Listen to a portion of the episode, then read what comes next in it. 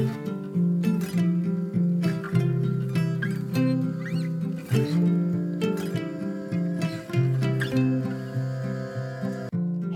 och välkommen till For Health med Anna Sparre. Nu blir det ett riktigt spännande avsnitt. Idag pratar vi med läkaren Marcus Gidley om hur du stoppar eller reverserar åldrande. Vi pratar om hälsa på cellnivå, om mitokondrier, cellenergi och en hel massa annat spännande. Du får massor med konkreta tips kring kost och tillskott när vi går igenom hela nio mekanismer som styr åldrande, eller tvärtom kan hålla dig ung. Ett stort tack till vår sponsor Selexir som gör den här podcasten möjlig. Selexir innehåller flera av de ämnen som du kommer att få höra Dr. Gedley berätta om i avsnittet. Några av de mest potenta tillskotten för våra celler och mitokondrier i en enda tablett. Bland annat innehåller Selexir koenzym Q10, PQQ och acetyl-L-karnitin. Ämnen som både är viktiga för dina mitokondriers hälsa och behövs för cellernas energiproduktion. I den här versionen av intervjun så finns det svenska sammanfattningar. Vill du hellre lyssna på den hela engelska intervjun utan några översättningar, så lyssna på avsnitt 183b. Men jag rekommenderar den här svenska versionen eftersom du får lite ytterligare förklaringar och förtydliganden. Om du gillar den här intervjun så dela med dig av den på Facebook, Instagram eller till en vän. Och gå in och lämna en recension i iTunes. Det är helt avgörande för poddens överlevnad och gör det lättare för mig att få hit intressanta intervjupersoner. Tack på förhand!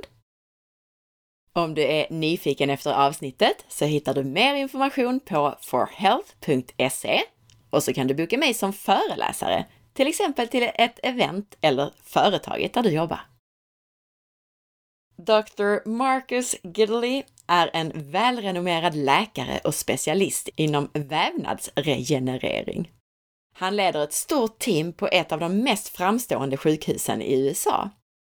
Han är också en läkare med en konventionell medicinutbildning som började fundera över varför hans yrkeskår fokuserar på sjukdom istället för att stötta hälsa. Han började studera åldrandeprocessen och blev en av de första läkarna som examinerades från The American Board of Anti-Aging Medicine. Precis i början av intervjun och särskilt första frågan har lite störningar i ljudet. Och så är det ibland när man gör intervjuer mellan olika kontinenter. Men ljudet blir riktigt bra sen, så bara fortsätt lyssna. Det blir först bättre efter första frågan och sen blir det helt perfekt ett par frågor senare. Så det mesta av intervjun har alltså mycket bra ljud. Och glöm inte att lyssna på slutet av avsnittet om du vill kunna vinna tillskott som innehåller flera av de substanser som Marcus pratar om. Häng med nu och lyssna på ett riktigt spännande avsnitt.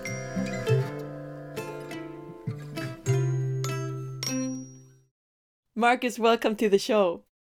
Thank you. Thank you. Glad to be here. Please begin by letting us know about yourself and your background and how you ended up being an expert at anti aging.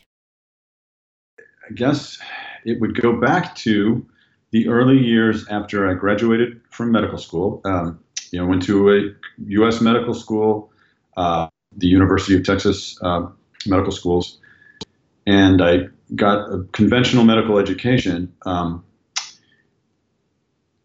I think perhaps the only very from you know what might be called entirely conventional was that I I whimsically talk about the fact that nutrition was an elective for us, which it is for most medical schools. I, I still think that's very, or not very funny, but I took the elective in nutrition, and I found it, that it taught me almost nothing about nutrition per se. So, but coming out of that background, I began practicing. Uh, um, my specialty uh, was emergency medicine, uh, and um, and I uh, started practicing in a, a busy downtown urban emergency department. And um, career in medicine, you um, you're pretty much immersed in just assimilating uh, this the skills and the practice of you know conventional medicine. So you don't really have time to come up for air and ask bigger questions. And I think that that may be paradigmatically um, uh, sort of the frame that sort of defines um, modern medicine. Many people never ask bigger questions, and I would say I'm or blessed that I did. And I started to ask maybe three, four years into my career, ask myself, um, you know, gosh, uh, why am I seeing so much uh, chronic diseases like diabetes on the rise? Why are so many of my patients obese, even though they claim they're following, you know, sort of standard advice? Why am I treating heart attacks and on cholesterol lowering drugs um, and eating low fat diets? So the red pill questions, if you will, um, I started asking. So I began reading, and I very quickly realized that, the medical literature per se wasn't asking a lot of those big questions. It was it was uh, taking an increasingly reductionistic approach and going down way way down pathways that didn't really seem to have a lot of value and just kept plowing ahead. So I started becoming interested in the questions that I think ultimately led me to wonder about um, what true wellness is, how we as humans uh, can function optimally, what our cell, you know, the needs of cells, um, how to maintain homeostasis, all of those big questions. You can frame them in a lot, lot of different ways. Um, but as I started to peruse the literature, I realized that there was a lot of literature and a lot of research going on that I wasn't privy to because no drug company was promoting it. You know, there aren't uh, pertly dressed, paid, you know, uh, repre- representatives from uh, big pharma companies coming to tell us about unpatentable nutritional stuff. They're telling us about the latest patented marginal um, Me Too drug. So as I realized there really was this um, this corpus, this body that was not about these sort of Me Too marginal drugs, but it was really about very, very fundamental and very tantalizing and exciting um, opportunities to understand, and then as a clinician, as a physician, opportunities to to uh, optimize. So, so um, uh, uh, that's that's sort of to this in general. Uh, and then the question about aging. So, so much of this, so much of the science of optimal functioning um, has really been embraced and helped along by what you might call the anti aging movement.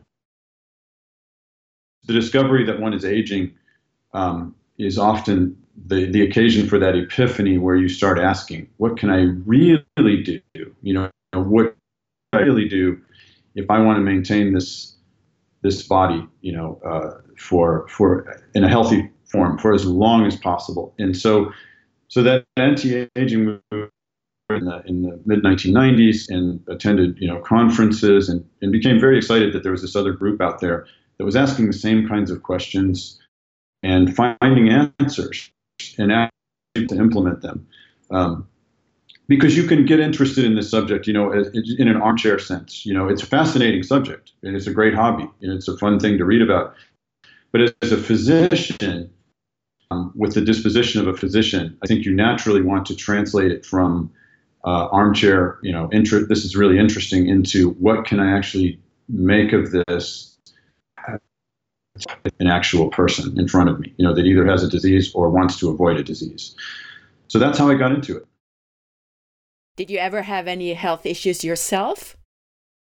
Darn it, I have been just incredibly blessed um, with, um, aside from uh, some broken bones, um, perhaps a bit of gastroesophageal reflux. Um, no, and uh, so so so um, so that wasn't sort of the, the the you know the driver for me, but it was sort of wanting to maintain health. I t- I'll, I'll say this you know, there you may have heard of this uh, um, this factor called somatic awareness, uh, and people have greater and lesser degrees of somatic awareness. You know, awareness of their body, you know, and the signals it's sort of sending.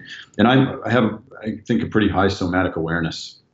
Um, so I notice the effects of aging.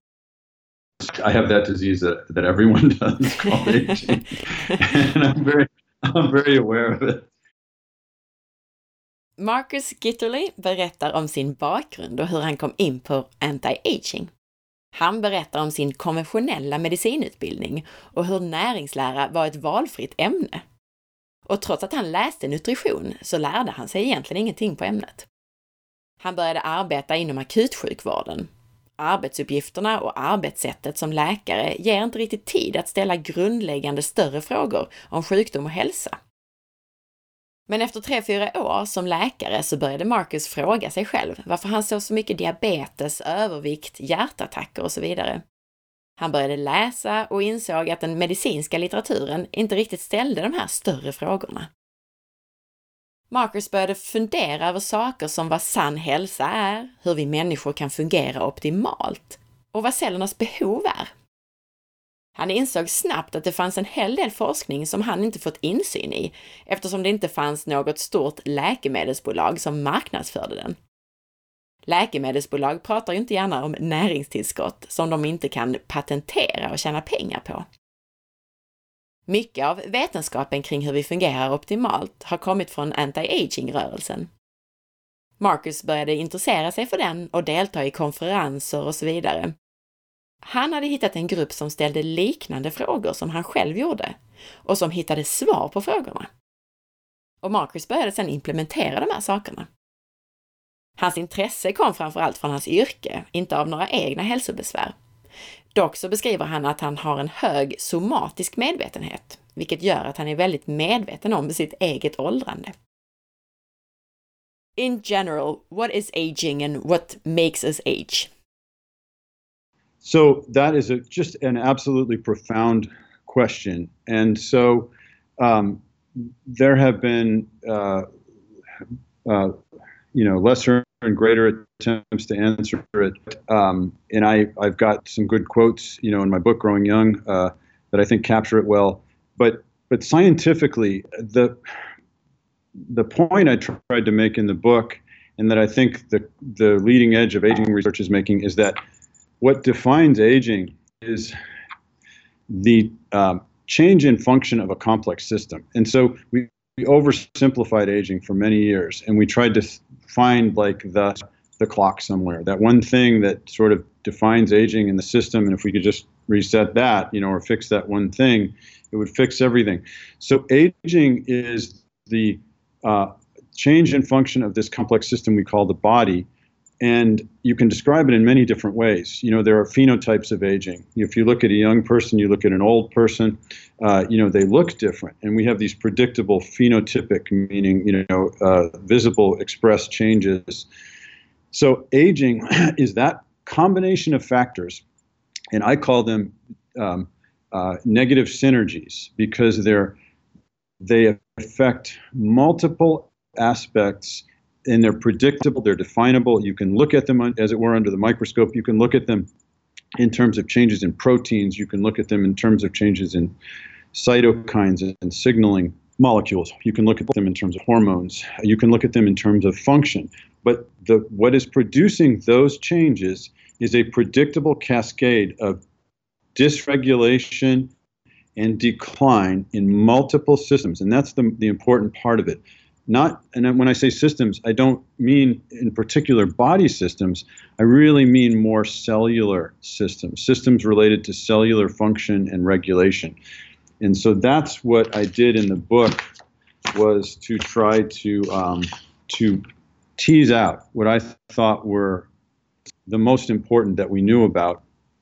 And I call aging the combination of changes in those those various aspects. Then I think we're going to talk about them.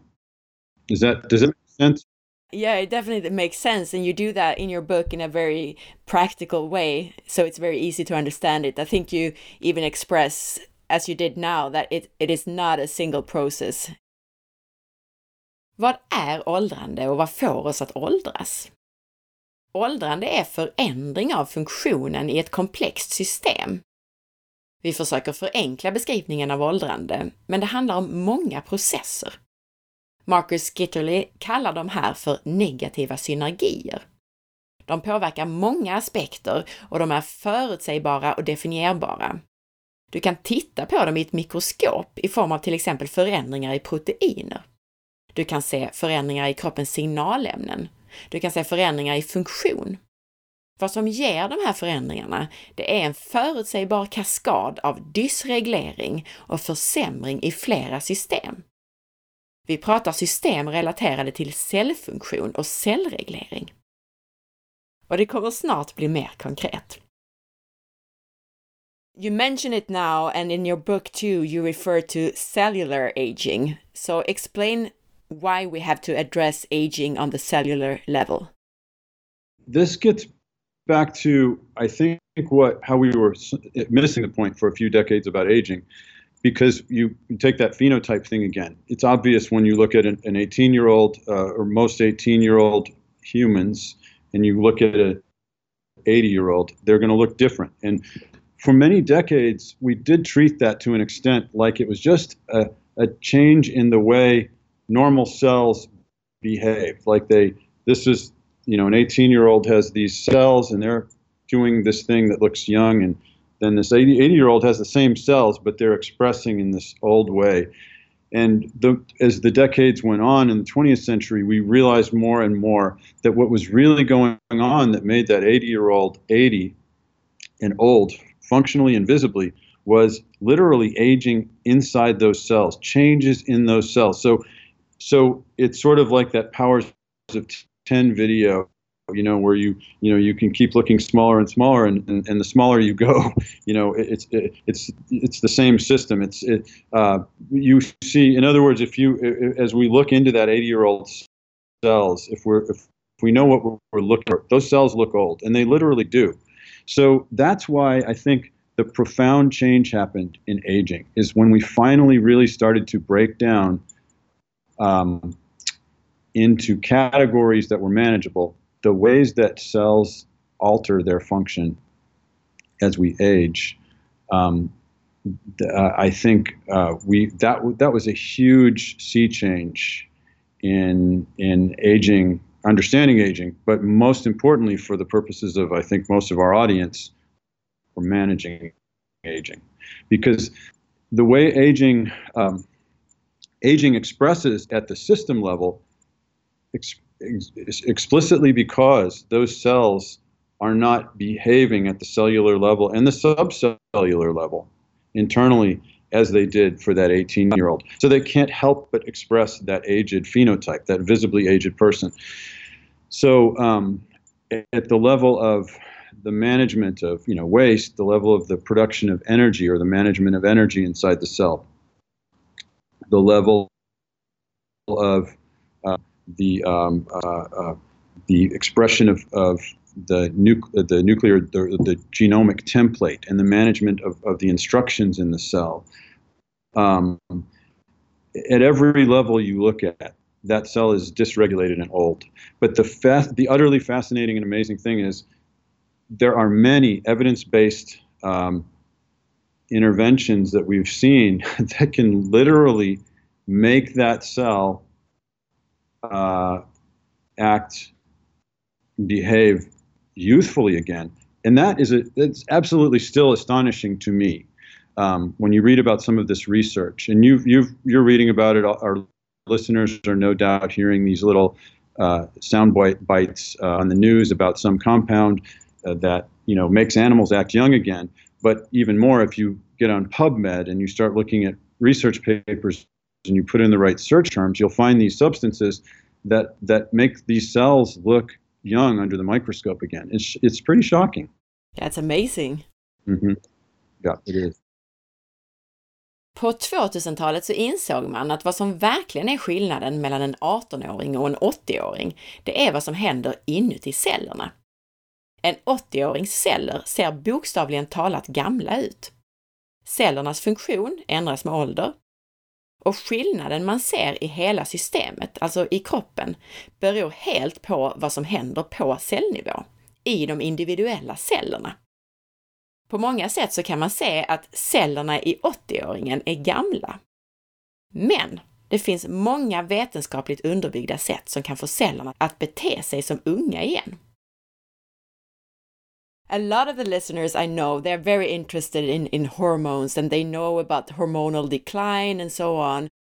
But why isn't hormone replacement enough as an anti-aging method? Uh, again, you know, you so it's starting too far down the chain.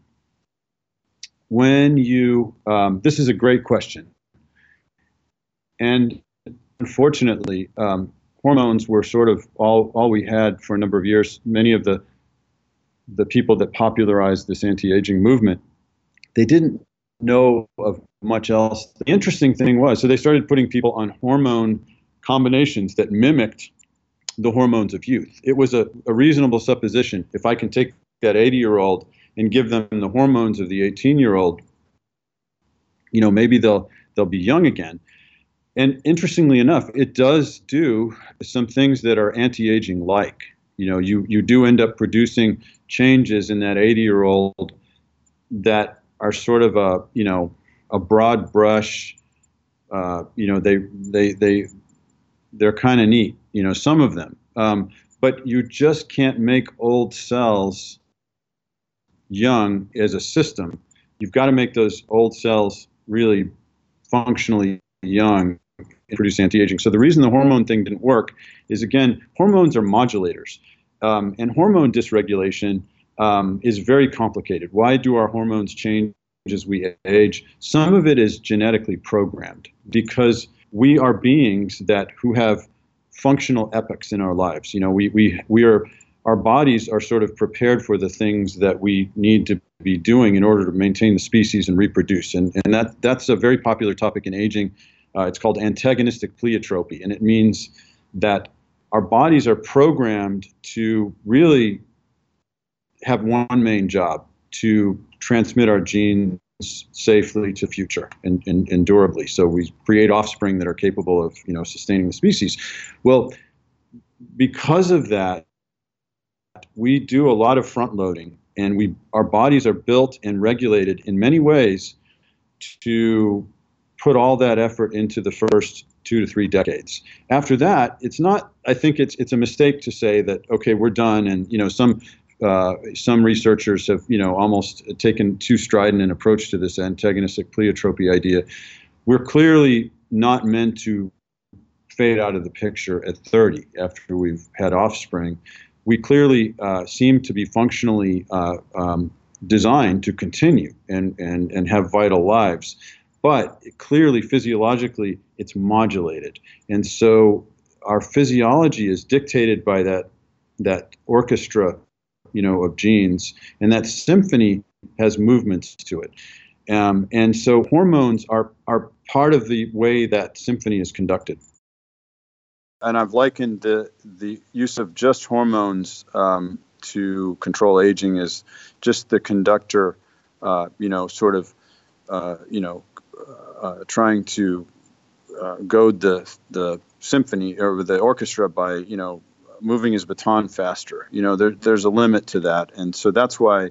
Uh, although hormones have a role, I, I think if you push them too far, you really get diminishing returns. Hormoner och att tillföra hormoner var länge den enda anti-aging-metod som man kände till. Men det är inte tillräckligt. Man startar för långt bort i kedjan. Du kan inte få cellerna som bygger upp hela systemet att se yngre ut med bara hormoner. Marcus beskriver kroppens funktioner som en symfoni och att hormoner är del i hur symfonin utförs. Dirigenten skulle man kunna kalla det. Att tillföra hormoner är som att låta dirigenten röra dirigentpinnen snabbare. Det ger alltså begränsade resultat på själva symfonin, som ju är beroende av hela orkesterns kvalitet. Våra kroppar är programmerade att föra våra gener vidare, Prio är att producera avkomma så att vår art kan leva vidare.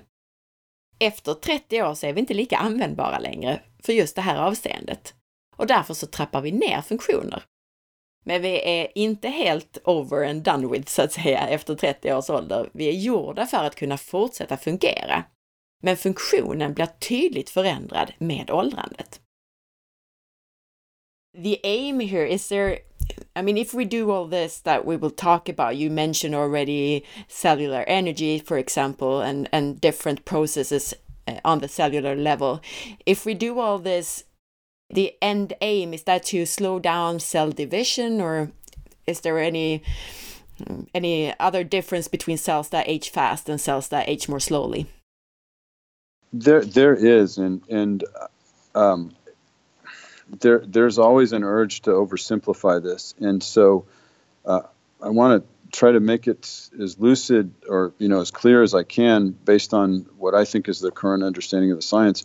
It is a very deep subject, so even that at the cellular level, you'd think, well, you know, there we can sort of simplify it to a system or two, and uh, and and it's it's still challenging. So I think, um, and we'll come back to this later. You'll have questions about it. I, things like mTOR and FOXO, the epigenetic um, modulators, seem about as close as anything um, to that. What is that thing at the cell level?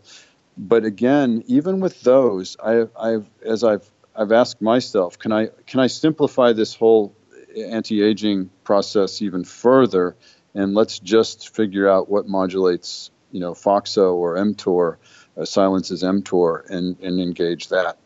And you can get a lot of mileage out of that. But at best, what you end up doing uh, with most of the single ways of, I think, intervening in the aging process is you, it's, it, it's not as satisfying. And so I'm, I think I, I think I, I, I still even, you know, uh, um, uh, with several years of intervening research, I think I still agree with the my strategy in the book that it's best to find as many reasonable, safe strategies that run in parallel and implement them at the same time because you really do harness uh, synergies. And we can talk about that some, but but again, that's a deep subject because when you talk about this many variables all interacting with each other, um, it gets complicated. Um, it would be an easy show if we were just talking about my one anti-aging strategy. You know, I could tell you all the different things that it did, but uh, but yes. So, but again, back to your hormone question. I think that's a great question because it really was like the the poster child for this is anti-aging. You know, 10, 10 years ago, but uh, or 20 years ago, really. But we've come a long, long way since then. Jag frågar om det finns ett tydligt mål med de anti-aging-metoder som finns. Om det finns en enda tydlig skillnad mellan celler som åldras snabbt och celler som åldras långsamt, så som till exempel minskad celldelning. Marcus beskriver att man lätt vill förenkla det här för mycket och hitta en enda tydlig skillnad. De epigenetiska switchar som vi kommer att prata mer om strax, såsom mTOR och FOXO, det är troligen det närmaste man kommer en sån här förenkling. Alltså att om man påverkar de här switcharna, de här genetiska switcharna, så påverkar man mycket av åldrandeprocessen. Men fokuserar man enbart på de här så missar man fortfarande en hel del. Det bästa är att hitta så många parallella strategier som möjligt och implementera de här på samma gång eftersom de verkar synergistiskt och förstärker varandra i vår intention att hålla oss unga. So let's then dive into all these variables that you mentioned here so we make it even more practical to the to the listeners. You use something you call the synergy matrix with nine different areas or functions describing the causes of aging. And I would like us to look at all of those nine areas in more detail, as well as then the keys to reversing them. Absolutely. So let us look at one at a time then. The first one that I read about in your book uh, you call cellular garbage. Can you describe what that is? Yes, absolutely. So um, early on, as we, this is one of the earliest ways I think that science realized that you know cells can look old. You know, just like a, a whole body can look old. And early on, it was noticed, even with the you know lower powered microscopes and things, that if you looked at, at um, old cells in many tissues in the body, especially the heart, the brain, the very metabolically active, the, the, the cells that are doing lots of work, you know, constantly throughout life, the liver, they would be become increasingly filled in, with um, these um, uh, dark uh, blobs. And so as time went on, we came to understand that those were were granules inside the cell or, or organelles that would would were like garbage dumps. And um, in some people, they uh, the garbage dumps have a lot more garbage in them than others, even at the same age.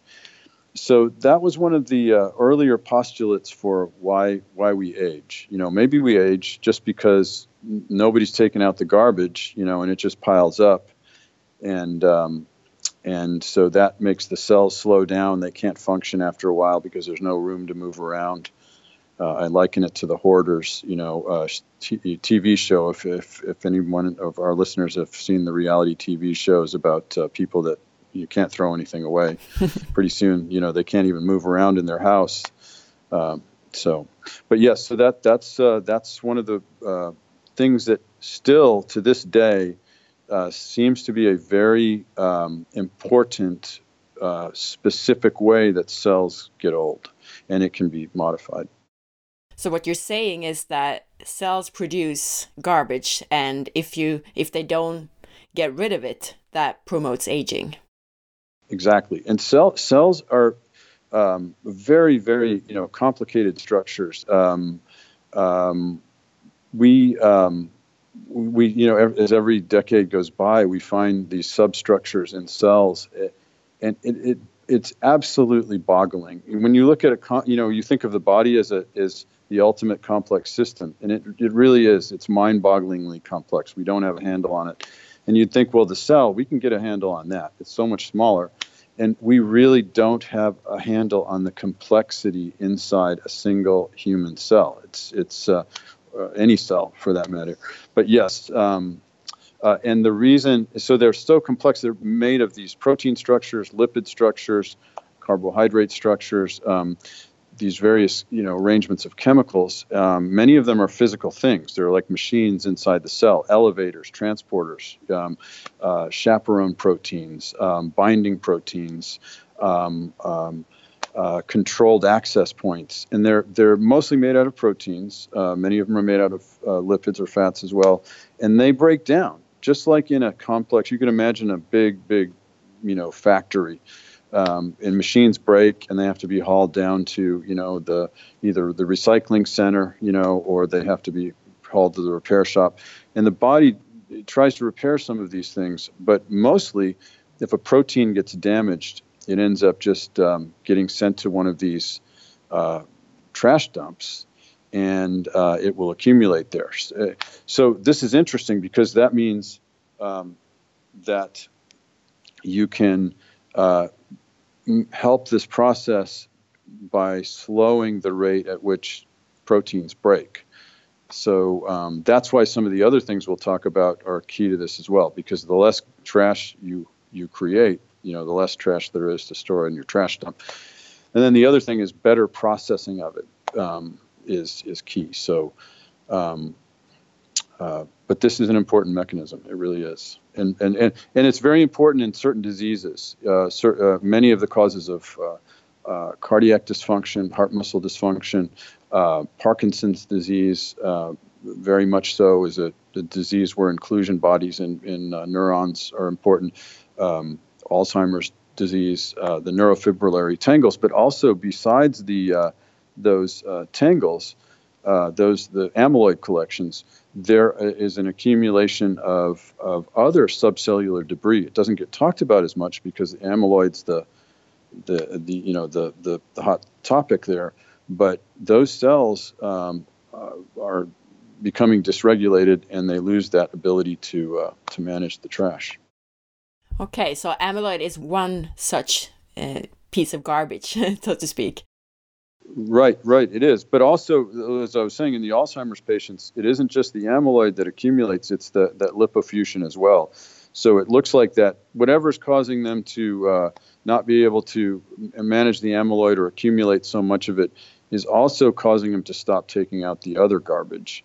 And so that's very interesting. So that means that potentially, and this is being shown, that some of these methods of even if we can't turn off the amyloid problem we can help them take out the other trash or manage it. But why is it so harmful? I mean, you you say it's involved in in cardiovascular disease and so on, but what is it in the cell that makes it so harmful to accumulate this garbage?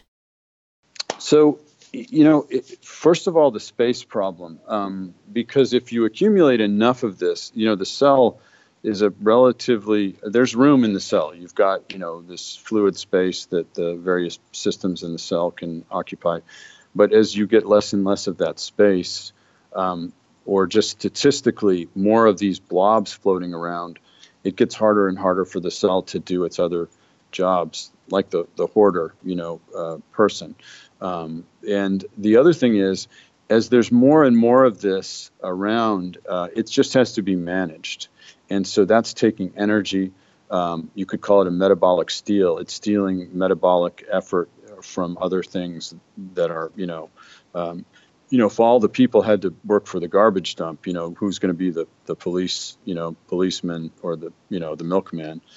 Um, so um, uh, it, it, it, there's other there's other thinking as well um, that um, um, it could create oxidative problems in the cell.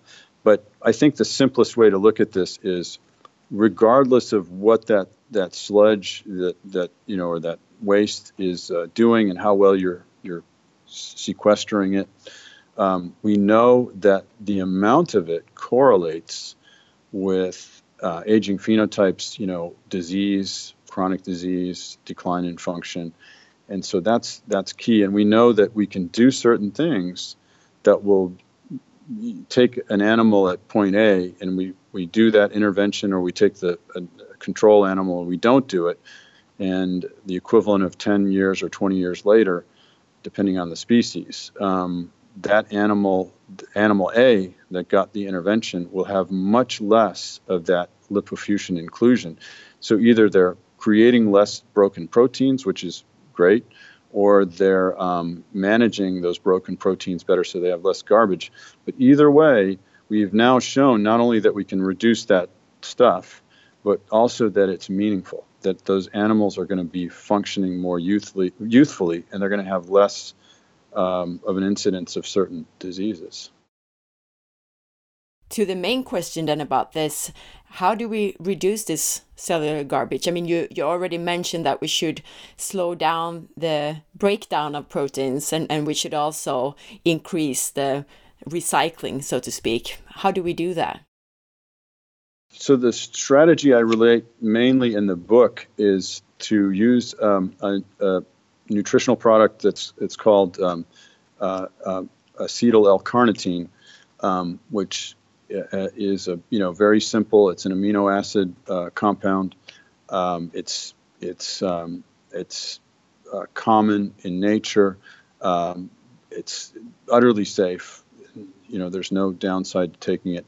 And uh, we've now shown what I love about uh, L-carnitine. What I tried to to uh, reflect in my choice of all of these interventions or all of these um, methods in the book is they couldn't just be purely theoretical because there are lots of things that look great on paper, you know, um, or they look great in a petri dish, um, or they look great in a mouse, but we don't know if they'll do anything for humans. So I tried to, you know, just stick to things that we had good data on across the board. You know, we knew it was safe. There's no theoretical reason to believe it wouldn't be safe, and it does uh, you know, there's a theoretical reason to believe it would do something good for us, and then that's actually been shown.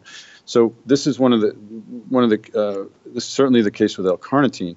There's just reams of research on this, and the reason that everybody's doctor doesn't put them on L-carnitine is because it's you know we've known about this for for decades. We didn't know how good it was or how many things it would do, um, but it's not patentable. You can't XYZ drug company cannot make a billion dollars from L-carnitine. and there's numerous people that sell it. You can, you know, get it at your neighborhood health food store or get it on Amazon.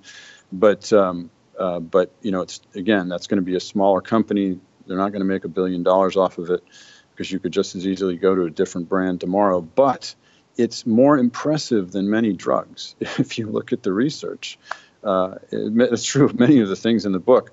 So L-carnitine has been shown in animal models uh, to uh, substantially reduce the formation of these um, inclusion bodies, these um, lipofuscin bodies in uh, in various kinds of cells, in brain cells, in in uh, uh, uh cardiac muscle cells, and um, moreover, so that's interesting. I, you know, you always that's the response of a, you know, the I think a healthy skepticism in, in science is you say, well, you scratch your head, what difference does that make really? Um, because it might not. But I think that uh, when you then look at the human studies, this is a very active molecule. It does, uh, as you'd expect from such a fundamental um, having such fundamental effects. It does it improves the transport of, for instance, fatty acids across the mitochondrial membrane. So, you know, fats are key to metabolism. They're intimately involved in many functions in the cell and in energy production, um, and um, they get uh, they get utilized much more efficiently in the presence of L-carnitine. Um, acetyl L-carnitine is the same thing, but it's in a better absorbed form. Both forms work. I recommend in the book the acetyl form. But uh, but either way, but what happens is you're intervening in the cell at a very fundamental level.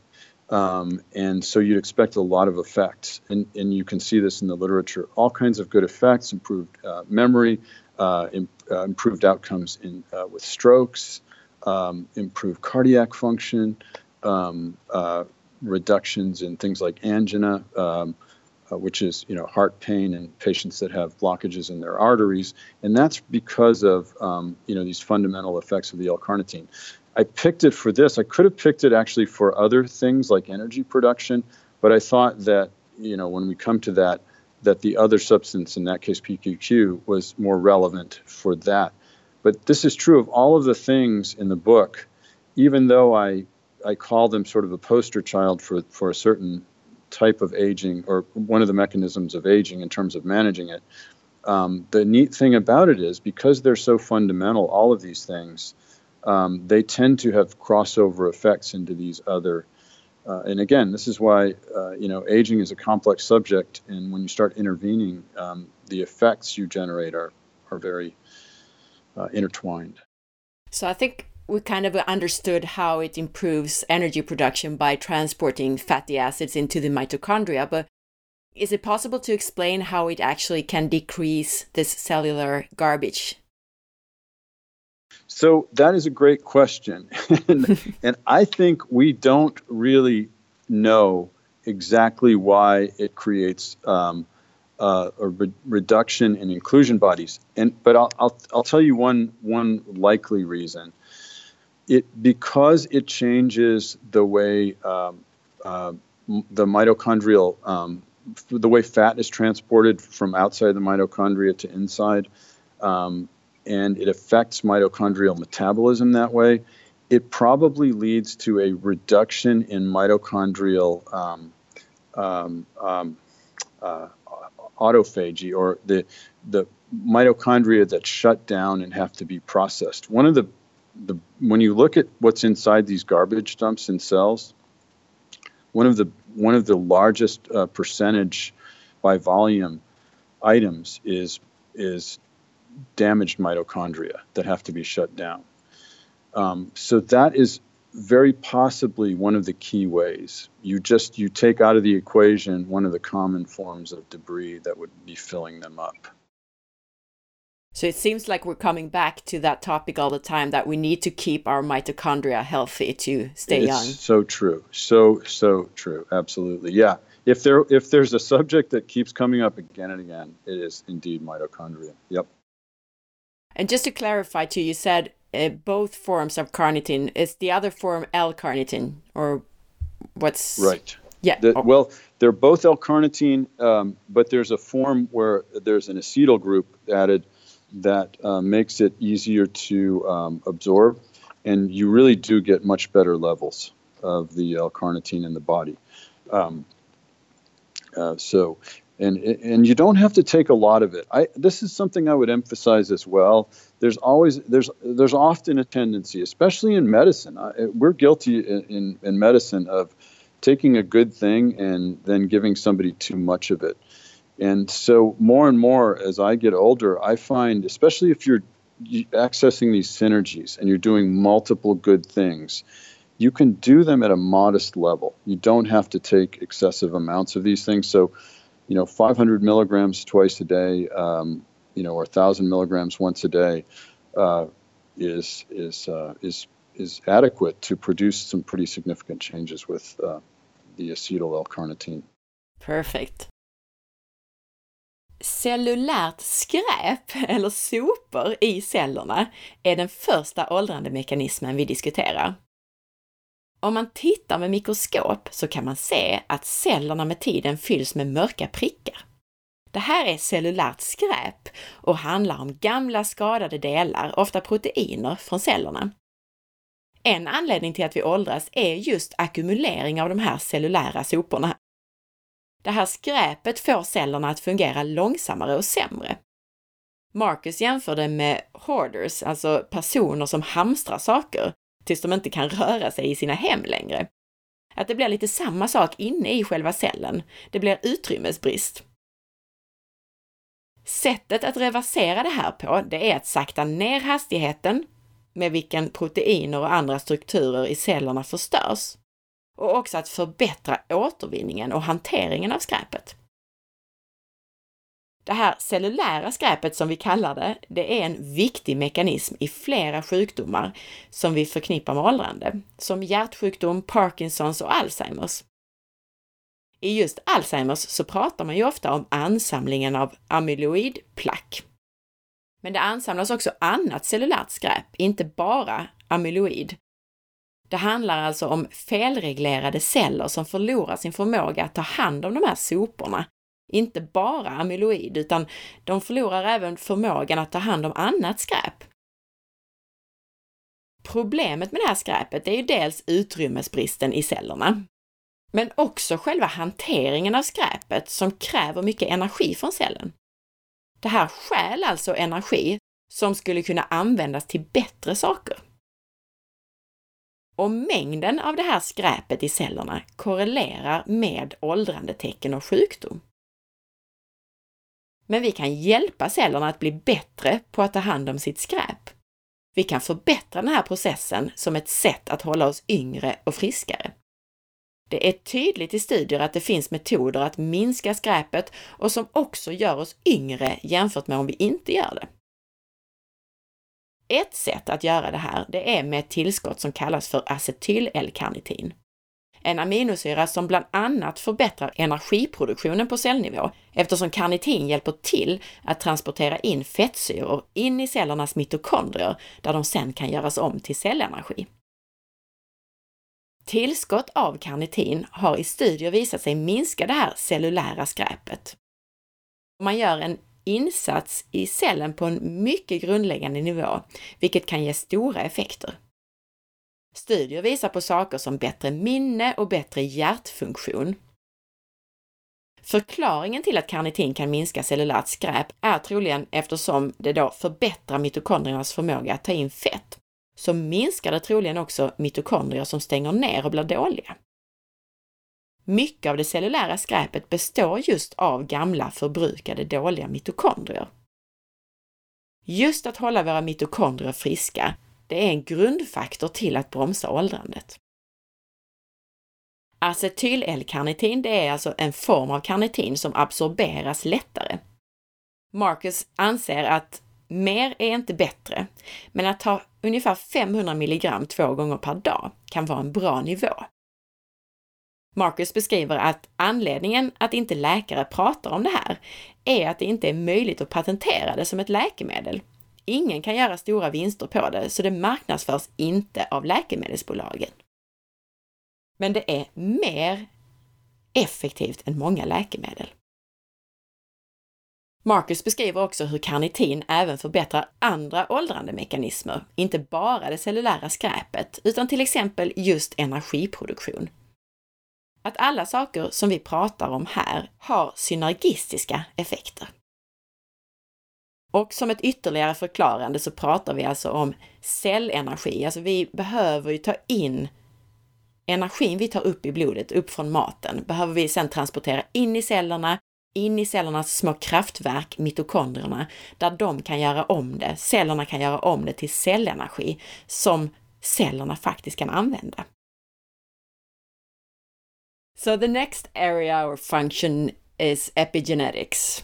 And we have talked about epigenetics in other podcast episodes. Simply put, it is our ability to turn on and off genes. But what do our genetic switches have to do with aging?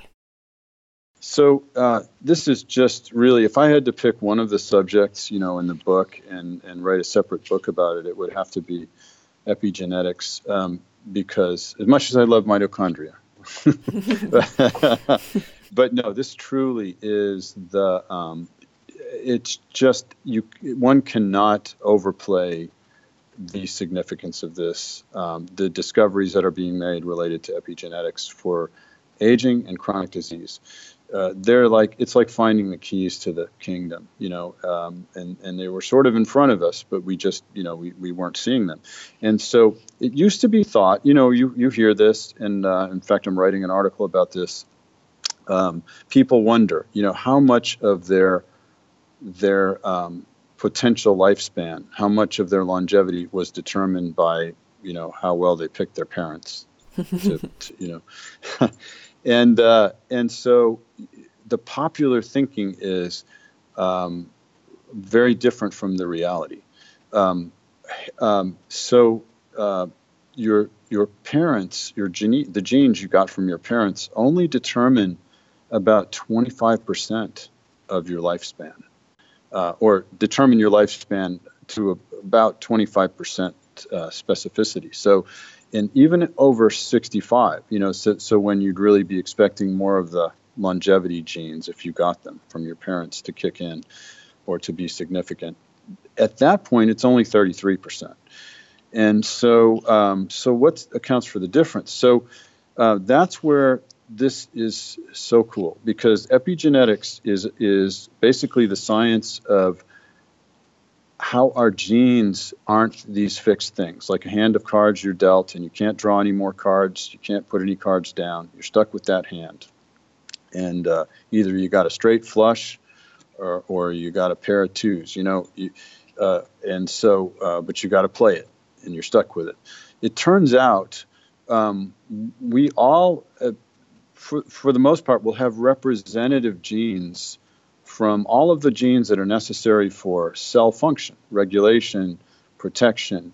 Um, you know, um, uh, you know, we talked about the cellular garbage collection, uh, managing our mitochondria, the efficiency of our mitochondria. Those are separate genes, but um, but the management systems that govern that that control them. We all have those genes, and some of us have better versions of them than others. But what's much more important than than how good our genes look is how we activate and silence them during life. And that's what epigenetics is. It's this the science of understanding uh, which genes are important to uh, longevity or disease and should they be sort of activated or silenced. And the activation and silencing is nuanced, um, but it turns out more and more we're finding really simple ways. One would never guess they'd be this simple to activate genes that are good for us and to silence genes that are that are uh, you know that lead to to ill effects. Um, so um, in the book, I talk about the the sirtuin uh, system, uh, uh and there's a family of those. They SIRT one, you know, two, three, four, and so forth.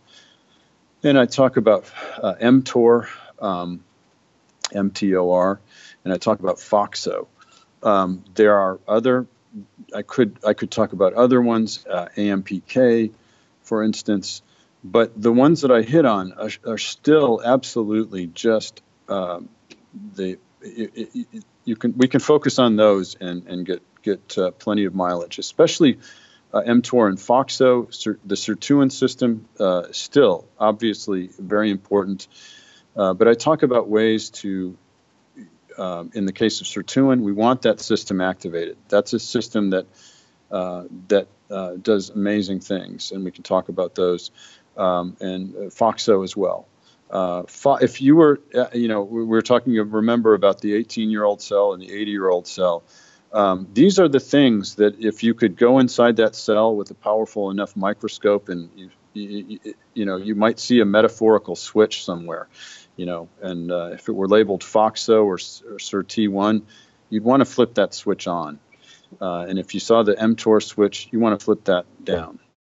What happens then if we do that? So, um, your listeners, I'm sure, are very astute uh, with respect to what was called the um, the um, Mediterranean paradox uh, that was identified in the 70s and 80s, where uh, when unfortunately most of the world medicine, uh, most of the physicians in the world were still under the misconception, many of them still are, that uh, that you know low fat is, is the key to longevity and health, um, and and getting you know getting away from heart disease, um, uh, and yet there were these people that were slathering butter on you know on things and you know cooking in olive oil uh, you know, they were eating what seemed to be excessive amounts of fat, for instance, and they weren't having heart disease. So they started looking at that, as you know, and that is how we uh, came upon that, um, uh, what we call the Mediterranean paradox, and, and, and they searched for, they thought maybe it's in something they're eating, and indeed, for a while, it, it, it was thought that red wine, because it contains a substance called resveratrol, uh, was um, was the reason and it may be part of the reason. Um, and we'll talk about resveratrol because I actually it's one of the things I recommend. There's more going on to explain the Mediterranean paradox, and I'm not a big fan of the Mediterranean diet per se. I think it's better than most, certainly better than the American diet. But so SIRT1 is it came out of that research. Uh, it became apparent that there was a, a, a, a gene, a master gene, or a set of master genes, that when it was activated, uh, it would turn on uh, factors that were that improved cell function. And so um, the sirtuin system, SIRT, I talk about SIRT1 or several sirtuin genes.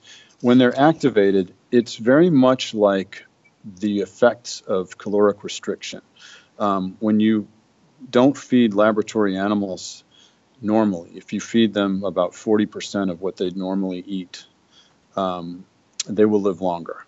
Um, and so, you know, people quickly said, well, who cares? You know, I don't want to have a, a long, miserable life, you know, watching other people eat. But, um, but we found that um, resveratrol in the red wine and caloric restriction both turn on this set of genes and they do good things. Um, and so uh, uh, we now know that there's probably not enough resveratrol in red wine. You'd have to drink gallons of it. You have other problems, but we can we can isolate it, and you can find many brands of this. And it's again, it's shown to do multiple good things. And uh, so, to this day, uh, this appears to be a very valuable function in cells again, and it illustrates this fact that that it's not just what you inherited. It's is it is it activated or not? You know, do you have your genes in the right configuration? And so, so T1 can be modified, can be modulated, and resveratrol is one of those those ways. You can take a resveratrol uh, supplement. So FOXO um, and mTOR, there are other um, master genes.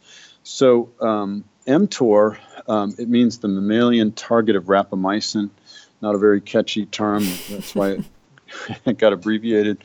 But mTOR, very, very important. mTOR is a hot topic. mTOR is, is going to uh, lead to sweeping changes in understanding and, and management of, of a lot of things in medicine. But uh, mTOR is one you want to turn off in, in general. And, and I don't say permanently. We're not talking about, you know, once and for all. These are these are dynamic things. But but people that have over overactivated mTOR, again, they're turning on a whole bunch of switches. It's like a master switch panel in the body, and when you activate it, it does the you know just numerous things, and um, it's it it creates pro aging effects. If you had to just just describe it in general, what happens when you turn on mTOR? cells act old, you know, and, uh, and again, whether they're young or old, you can make a 25 year old cells act old by overactivating mTOR. Um, it's very linked with uh, insulin uh, response to insulin metabolism, uh, with insulin resistance. Um, it sort of mimics some of the effects of things like type 2 diabetes. It's very intimately linked to cancer in the cell cycle, um, and it downregulates um, uh, autophagy. You know, this needed processing of bad cells and bad components. Um, we're supposed to get rid of those things. Those bad actor cells that go rogue and start uh, start cancer uh, and, re- and, and and, um, and promote cancer. Um, well, mTOR uh, helps that along. You know, it, it does it, it stops the process of shutting down uh, early cancer. Um, so mTOR, another exciting thing, um, and uh, there are ways to uh, to to alter that. One is exercise, very important. Exercise may be one of the more powerful ways, uh, but ketogenic diets. Um, and so this is this. I don't specifically write about this in the diet chapter in the book, but um, there are very simple, powerful ways to activate, or to, I'm sorry, to silence mTOR. Um, and uh, you promote certainly exercise. You're quite fit, so I would say you probably live with mTOR in a very, um, you know, attenuated state. So, good on you. Thank you. But I think isn't it also so that we should keep down both sugars and proteins to keep mTOR down Well, that's right. You are correct. But I think okay, so so this is where these questions again they become. You really have to tease out these answers. So so a low protein diet will tend to silence mTOR, but it's much like a low calorie diet will activate cert, cert, you know cert, the sirtuin system. Um, an ultra low calorie diet will silence mTOR as well. Um, but what's interesting is just being in ketosis will uh, downregulate mTOR, whether you're eating uh, um, you know a normal amount of protein or not. So I think it's a misnomer I don't recommend that people go on low protein diets to silence mTOR. I think you get plenty of mTOR downregulation if you're doing resistance training, high intensity interval training, and you're eating a ketogenic diet most of the time. Um, the other thing is though, and you this is interesting that you say it. So I think mTOR cycling. More and more people think that we should cycle mTOR, and so I I you know how I recommend in the diet chapter, I recommend people do a, a splurge uh, interval, you know, like a, pick a day on the weekend or you know, maybe a little on Saturday and Sunday. Uh, whenever you do it, you are eating much more, uh, you know, an abundant amount of carbs and eating things you wouldn't eat during the week and when you stay in ketosis. You're, you'll be cycling mTOR. And uh, so I didn't anticipate that when I recommended it but I'm, I'm, I'm glad that it seems to be um, it seems to make sense as we look at this. But uh, so low protein, I, I would say no only because, and I, am not I never advocate high protein diets, but you know 1.5 to 2 grams per kilogram, I do not think is going to create deleterious activation of mTOR from what I know and from what I see in actual patients. So the cycling part is interesting. Is it important that it's, for example, once a week? Could it be that you cycle during the day, that you eat your carbs in the evening, for example? And if you're in ketosis for, say, 20, 20 hours, and then you eat some carbs in the night, for example? Is that? I think that's very probable. I think this is the other thing, and we, we don't really have it on our agenda, but I think that looking at the data and also more importantly, uh, or just as importantly, the anecdotal evidence about intermittent fasting. Absolutely, I think that's a legitimate way uh, to cycle mTOR. Yes. Very interesting and very practical advice there. So, what about that last gene, the FOXO? So, um, yeah, forkhead box O is is the the name of this um, uh, uh, again switch.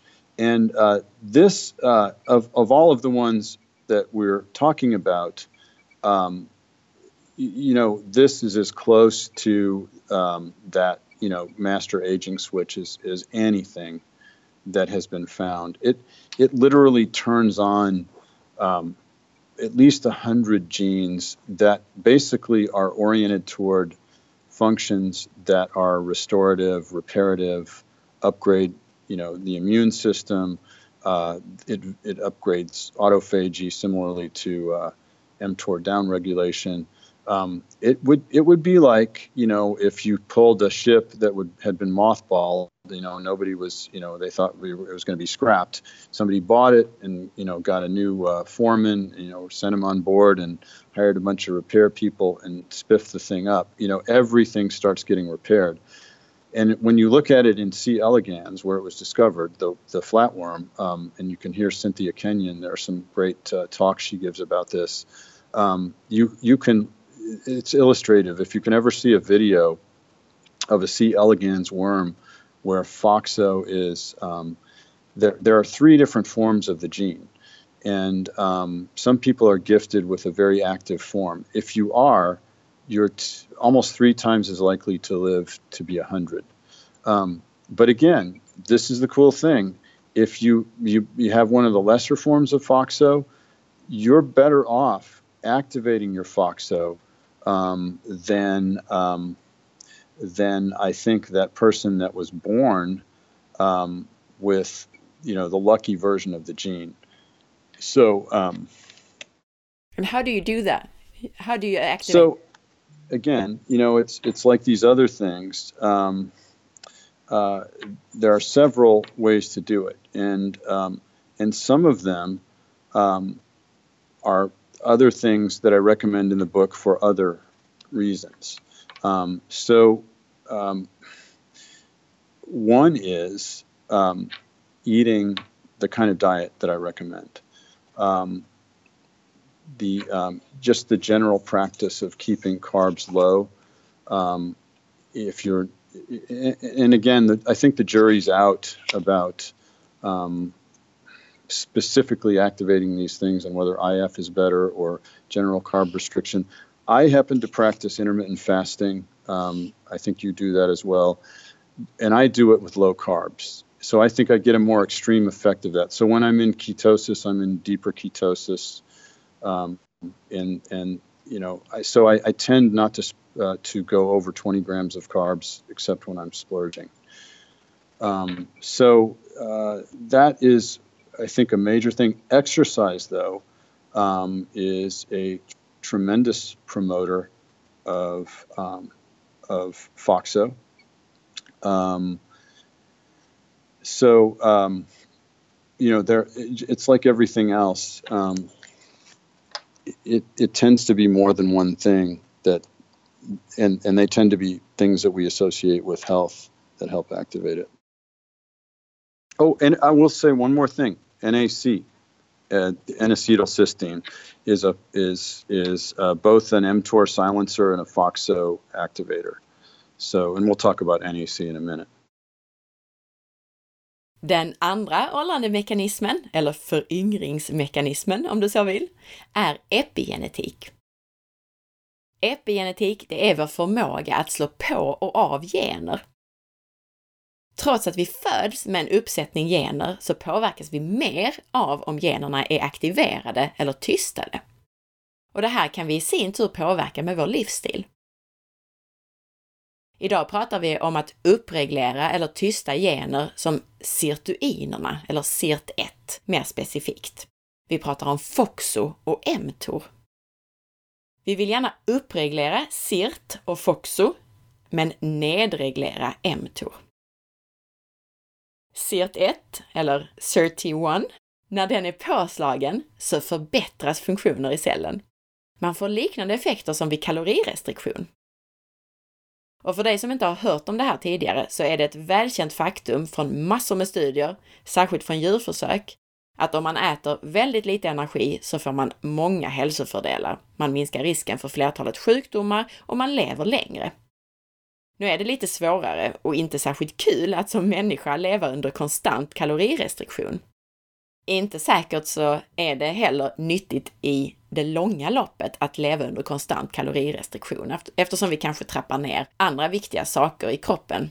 Trots att man lever längre så, så trappar vi ner andra viktiga saker i kroppen. Men det finns andra vägar att nå liknande hälsofördelar med både typen av kost man äter, med hjälp av fasta och med tillskott. Resveratrol är ett sånt här tillskott som slår på de här generna och som därmed kan ge fina hälsofördelar. Resveratrol är alltså färgämnet i druvor, men man behöver högre doser än det man får i sig i lite druvor eller vin. mTOR har jag pratat om i ett av de tidigaste avsnitten av podden. Vi vill hålla den avslagen eller nedreglerad en stor del av tiden mTOR-uppreglering leder till en kaskad av effekter som också har en åldrande effekt. Celler agerar som gamla när mTOR är överaktiverad. mTOR har samband med cancer och den nedreglerar autofagi. Och autofagi kan du läsa mer om på forhealth.se. Men det är återvinning av gamla dåliga komponenter i cellen kan man säga. mTOR har en stark koppling till insulin Sätt att hålla mTOR nedreglerad, det är bland annat saker som håller insulinet i schack. Träning i form av styrketräning och intervallträning och en ketogen kost, det är sätt som håller mTOR nedreglerad. Både kolhydrater och proteiner i överflöd kan ha en negativ effekt och uppreglera mTOR. Men Marcus betonar att bara vara i ketos kommer att nedreglera mTOR, även om man bibehåller normala nivåer av proteinintag. Marcus tror också att det kan vara bra med det som han kallar för mTOR cycling, vilket innebär att man håller mTOR nedreglerad mestadels, men ibland så tillåter man den att slås på. Ett sätt att göra det här, det är att man äter en strikt lågkolhydratkost, men en dag eller en måltid i veckan så ökar man kolhydraterna kraftigt. Ett annat sätt är att äta strikt hela dagarna, men med lite mer kolhydrater på kvällen. I avsnitt 23 så pratar vi mer om carb cycling och cyklisk ketos, för den som vill lyssna på mer om det här. Marcus nämner också kring kost här att en medelhavskost är bättre än en genomsnittlig västerländsk kost, men den är inte tillräcklig. Foxo är så nära man kan komma en master aging switch, alltså en på och avknapp för just åldrande. När FOXO är uppreglerad så uppregleras helande funktioner i cellen och autofagi uppregleras. Allt börjar repareras, det uppreglerar också immunsystemet. Marcus nämner tre former av FOXO-genen. Har man den mest fördelaktiga så har man en stor chans att leva tills man fyller 100 år. Men det är bättre att ha en sämre form och aktivera den än att bara vara född med en lyckosam gen. Det finns många sätt att aktivera FOXO, bland annat genom att äta en bra kost, en lågkolhydratkost och gärna även periodisk fasta. Träning är ett annat sätt att uppreglera FOXO på och dessutom så kan man använda sig av tillskott av NAC, vilket både tystar ner mTOR och aktiverar FOXO. Och vi kommer alldeles strax till vad NAC är. So the next next function or area would be AGEs, Advanced Glycation End Products. What's that? So AGEs are um, they're situations where um, glucose uh, attaches to proteins um, in ways that that are undesirable. You know, it's and it really literally is if you've if you've ever melted sugar to make something, like a recipe that called for melted sugar, you know it becomes a glue um, that is, uh, you know, almost impossible to get off of your pots and pans.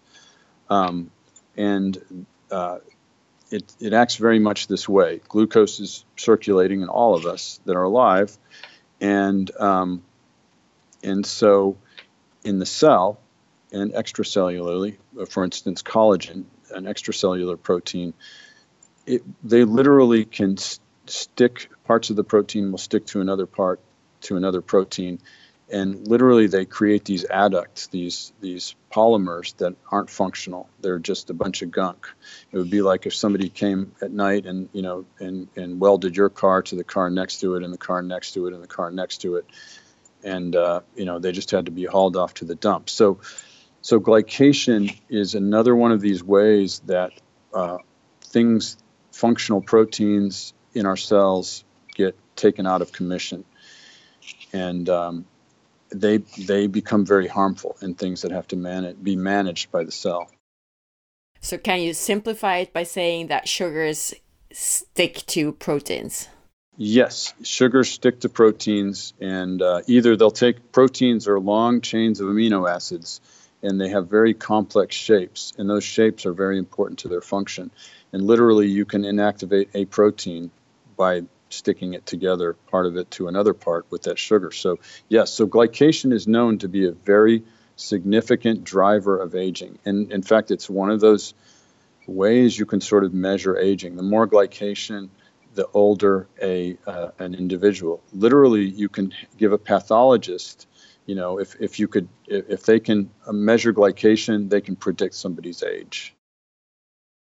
Does it actually increase with age, or does it only have to do with sugars, etc., in your diet? I think it's it's a two-edged sword. So the fact that glycation is associated with aging, we know it, it's deleterious to cell function. Um, we know it promotes aging. We know it burdens the cell. So it stands to reason that if you can lower your average glucose level, you will um, you will reduce the rate of glycation. So and and it makes sense. It's not just theoretical. If you look at diabetics, they're a model of excessive glucose concentration, and many of their pathologies are directly tied to glycation. Many of the diseases that diabetics get, if you look at the tissue level, the histological level, you will see that they are the result of glycation. So again, you know, a diabetic is like an extreme version in many ways of the average person that's eating a sort of standard diet, which is very often, I think, excessively high in, in carbohydrates. Any carbohydrate that we eat uh, that is glycemic, you know, above a say a level of 20 or 30, is going to rapidly be converted to glucose in the body uh, and elevate your blood glucose, which is going to lead to elevated glucose inside cells. It's going to lead to glycation. So, so yes, to answer your question, I do think that that's one of the reasons that all of the strategies, the diet strategies that lead to uh, less glucose production intake, um, the ketogenic diets and so forth, the lower carb diets. It's one of the reasons that the Mediterranean diet is, uh, you know, promotes longevity, although I don't think it goes far enough, is because you end up with less glycation.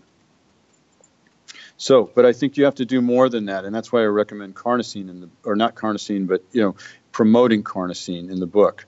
Uh, carnosine is one of the ways that the body deals with glycation, and it's it it reduces uh, glycation damage in cells. It's an anti-glycation um, uh, protectant. Uh, it's not its only function, like everything else in the synergy matrix. Um, you know, set of supplements, and uh, uh, it it does so many things. We could do a podcast just about carnosine. Carnosine is amazing, and but I don't recommend people taking carnosine, and that's simply because uh, carnosine immediately is broken down in the gut and it's basically formed from two amino acids. One is called beta alanine, which is a type of amino acid that's not found in our proteins. It's not used to build proteins. It's it's an amino acid though. And then um, histidine, and histidine is is a you know a, a normal amino acid for the body, um, and it is involved in protein synthesis. But we've got plenty of it. We've got so much histidine sloshing around that it's not what you call the rate limiting step in carnosine production carnosine is an interesting molecule. Again, I could write a whole book about carnosine and aging and the value of carnosine, and uh, it is absolutely astonishing all of the things that it's involved in. Um, and but again, I don't recommend taking carnosine because if you take the rate limiting amino acid, which is beta alanine, you can get a much better effect uh, overall, and it's cheaper. I mean, it's it's uh, if you take carnosine, no harm done. It's it's per- certainly permissible. I, I just didn't recommend it in the book because I thought it was a better bang for somebody's buck to take a modest amount of uh, beta alanine. And I don't re- recommend taking grams and grams of it like bodybuilders do. There's there's a thing in the bodybuilding movement um, or the strength training movement. Uh, people feel like they get strength gains from taking beta alanine, and some data has shown that. But I I think that's kind of misguided to take huge amounts of anything. As you said here, carnosine is a molecule that your body actually produces itself, but you can yes, enhance it's essential. It that's correct. That's correct. There's a form in our uh, body cells, and then there's a form in the brain called homocarnosine, very similar, and it's got multiple functions. We know it's important. We know it declines with aging, uh, predictably, and, when you can upgrade it, it delays the senescent phenotype, that old version of the cell, um, in in in animal models. It, it it clearly is an anti-aging substance in that if you can increase it the cells function uh, more youthfully.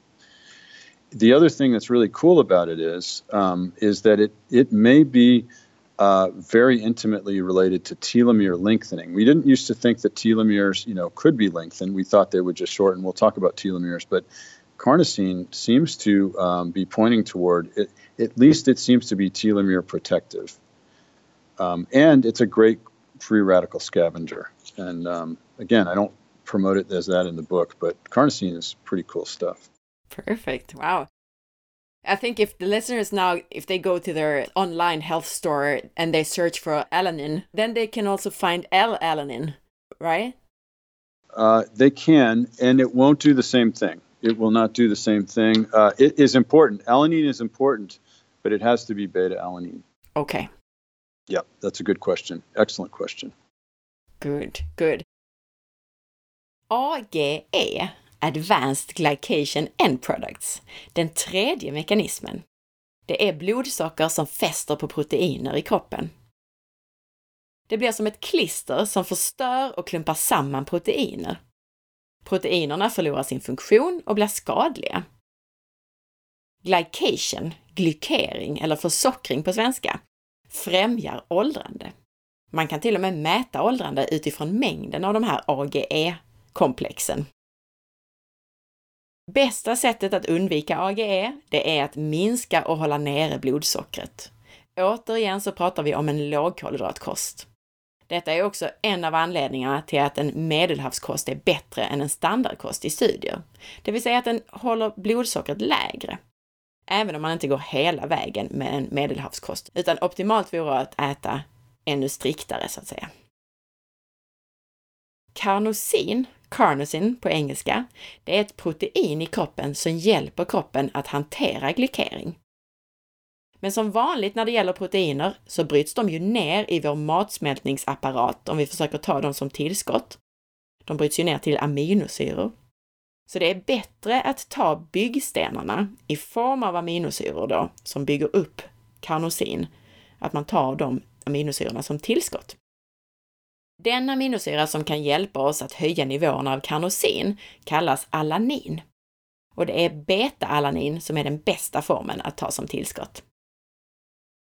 Karnosin det är relaterat till anti-aging och verkar också skydda våra telomerer, som vi kommer till nu. And now you mentioned the telomeres, so let's dive into those.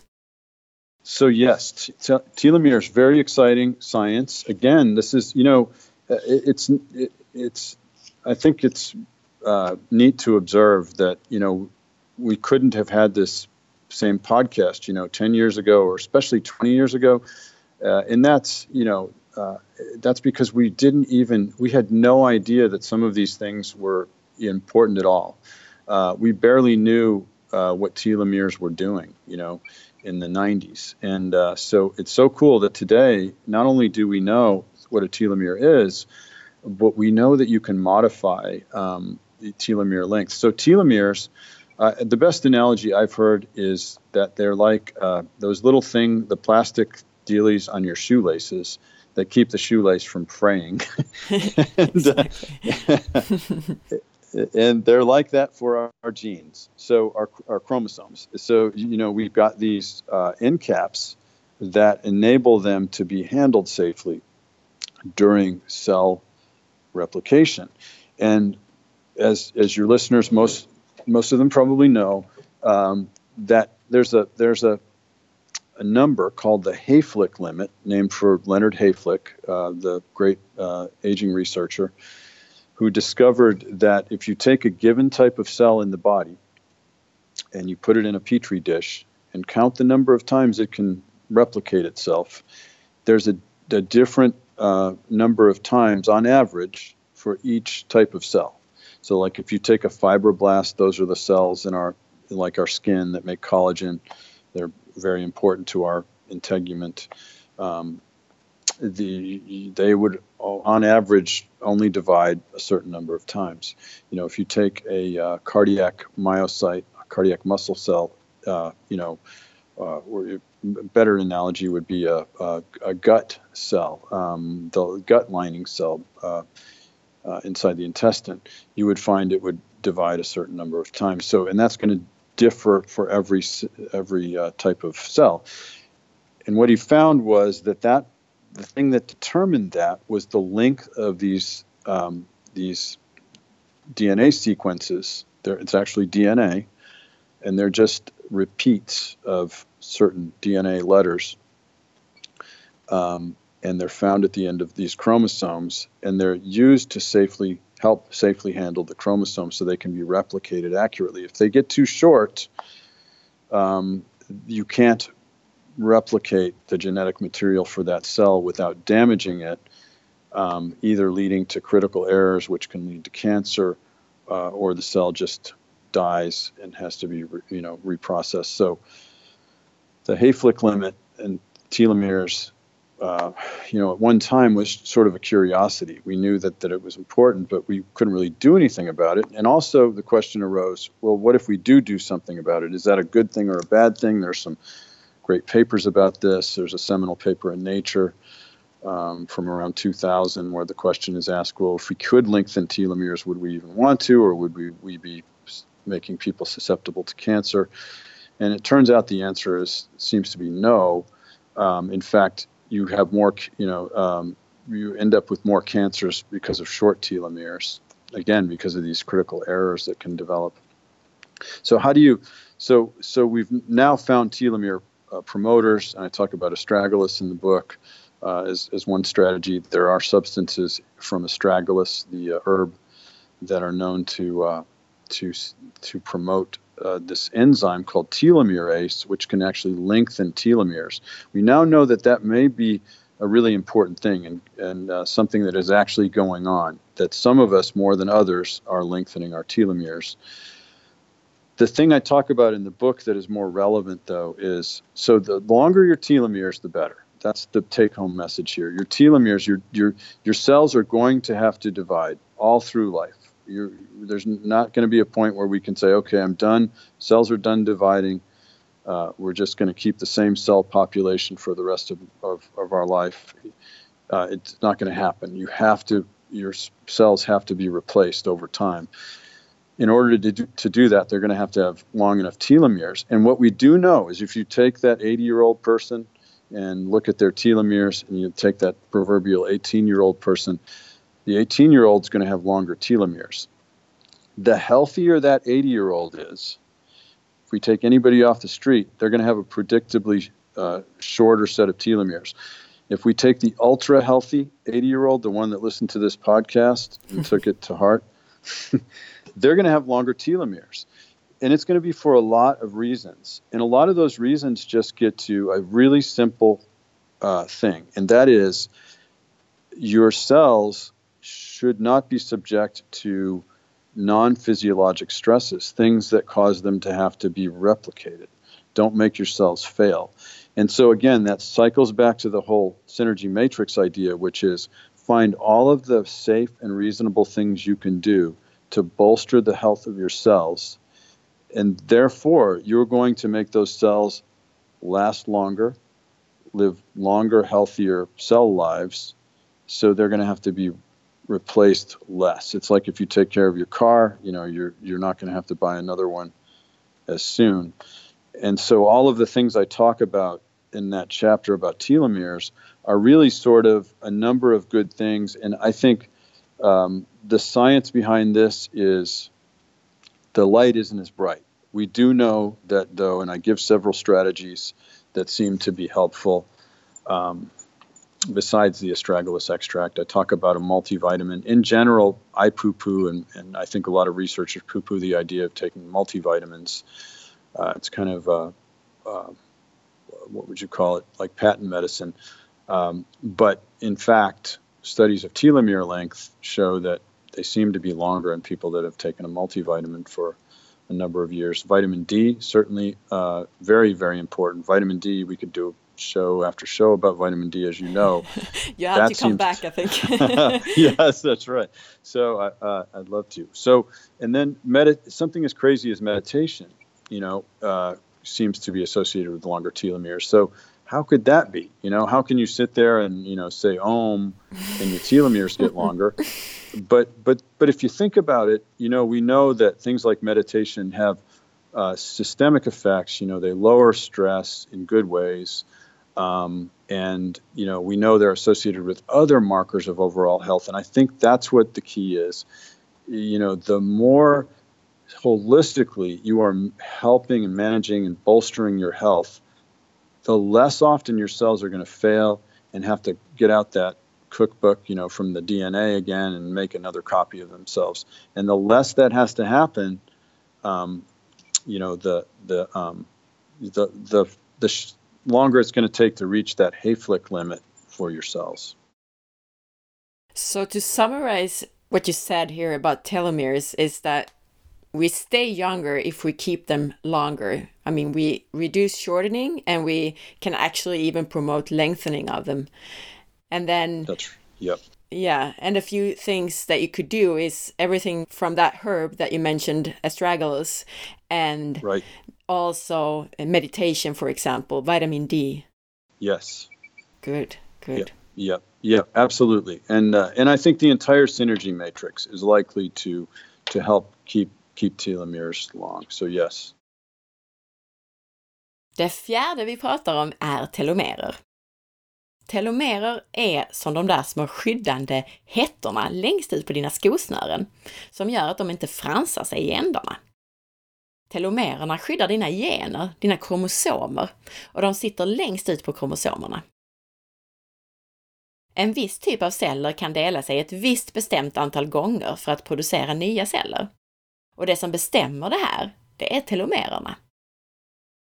Telomererna förkortas när celldelning sker. När telomererna har blivit förkortade så kan inte celldelning längre ske korrekt. Det här är alltså en stor och viktig del av vårt åldrande. Ju längre telomerer, ju bättre. Desto yngre är vi, rent biologiskt alltså. Nu för tiden så vet man att det inte bara är möjligt att skydda telomererna så att de inte förkortas så snabbt, utan man kan till och med förlänga dem genom att påverka ett enzym som kallas telomeras. Saker som påverkar telomererna positivt, det är till exempel en växt som heter astragalus, men även D-vitamin, meditation och andra stressreducerande åtgärder. Och så även allt annat som vi pratar om i den här podcasten kan ha en positiv inverkan på dina telomerer.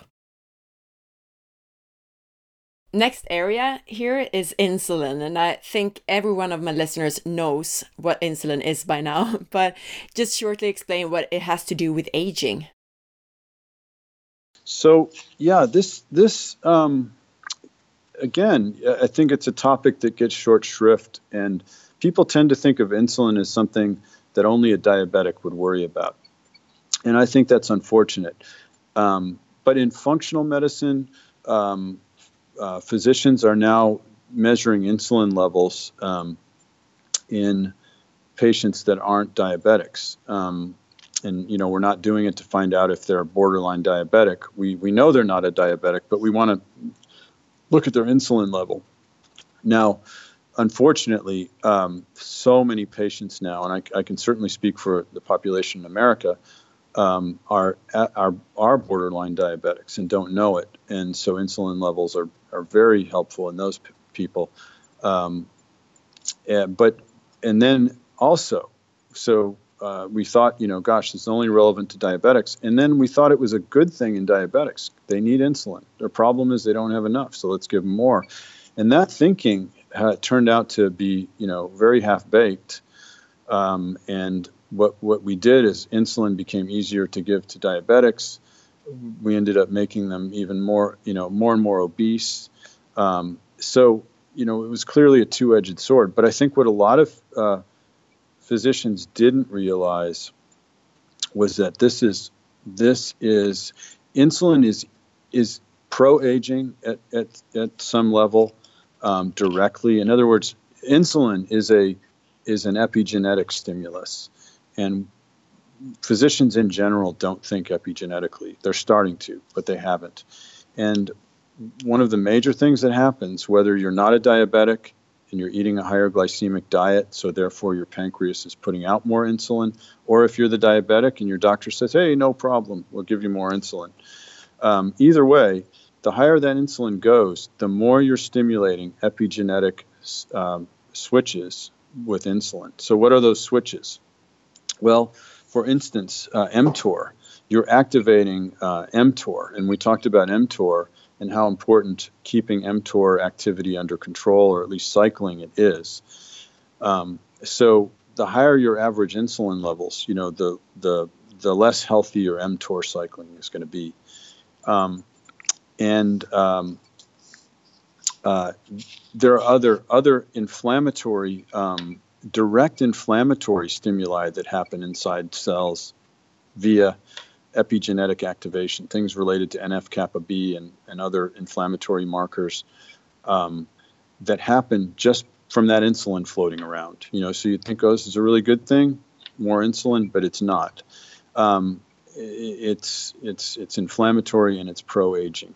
Um, so so what do you do about it? Um, well, so um, you you put yourself in a situation where you don't need as much insulin. I think that's the simple answer, and it's good all around.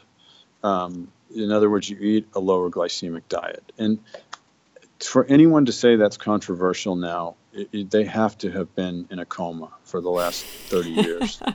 yeah, I agree. so I should tell the listeners that we made two entire episodes about insulin and insulin resistance, and that's episodes 56 and 57.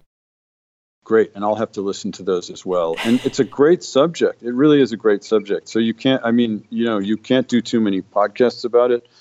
Um, and because I know your listeners, you know, uh, we, I, I'm, I'm going to be a listener. Um, we, we, we can't learn enough about this. We, we need, this is a subject that needs to be sort of shouted from the housetops. So, so it's sort of a universal good. You know, uh, insulin, when it's functioning appropriately um, and it's it's regulated tightly, you're producing just enough. It does its job just fine, and it, it's intimately involved in a lot of good things. But we're pushing it too hard. So again, the way to control insulin is to eat that low glycemic diet.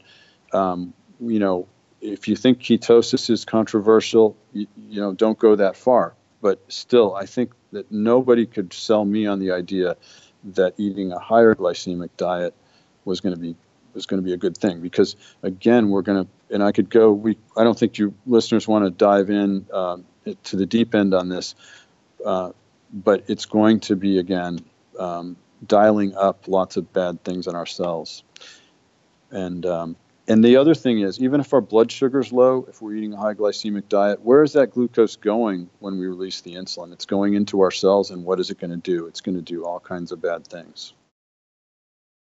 Den femte mekanismen, insulin, det vet du vad det är vid det här laget. Och vill du lära dig mer om insulin och insulinkänslighet så lyssna på avsnitt 56 och 57. Insulin är ju involverat i blodsockerinlagring, fettinlagring, för höga eller för låga nivåer är kopplat till diabetes och insulinresistens. Insulin bidrar dessutom till åldrande. Och insulin påverkar vår epigenetik och kan alltså påverka hur våra gener uttrycker sig. Insulin aktiverar bland annat mTOR, som vi pratade om att vi vill hålla nedreglerad. Men insulin aktiverar alltså den här. Det slår även på inflammationsframkallande gener. Det viktigaste är att äta en kost som gör att du inte behöver en massa insulin, alltså en låg-GI eller lågkolhydratkost helt enkelt. Insulin i sig är ju inte någonting dåligt, men vi vill hålla det lågt och reglera det bra. Vi vill ha en bra insulinkänslighet helt enkelt. Och mer om det kan du lära dig i avsnitt 56 och 57. Just so we are able to get through all these very interesting areas. I think we could make one podcast on each area actually, but I'll just quickly jump into oxidation. And so, what is that? What is oxidation and, and what harm can it do? So every uh, your listeners will you know have heard the term uh, free radical and free radical damage, and it's simply when they're uh, unpaired electrons. Um, they're like a buzz saw, and they occur in chemical reactions. As we know, our body is a sea of chemical reactions uh, many of the processes of life produce these um, uh, these uh, electrons, um, these these uh, you know buzz saws, free radicals. One of the main being our energy production, ATP production in mitochondria generates free radicals. So what do they do? Well, again, like the buzz saw, it's, it's a bull in the china shop of the cell. It damages uh, proteins, it damages uh, lipids, fats.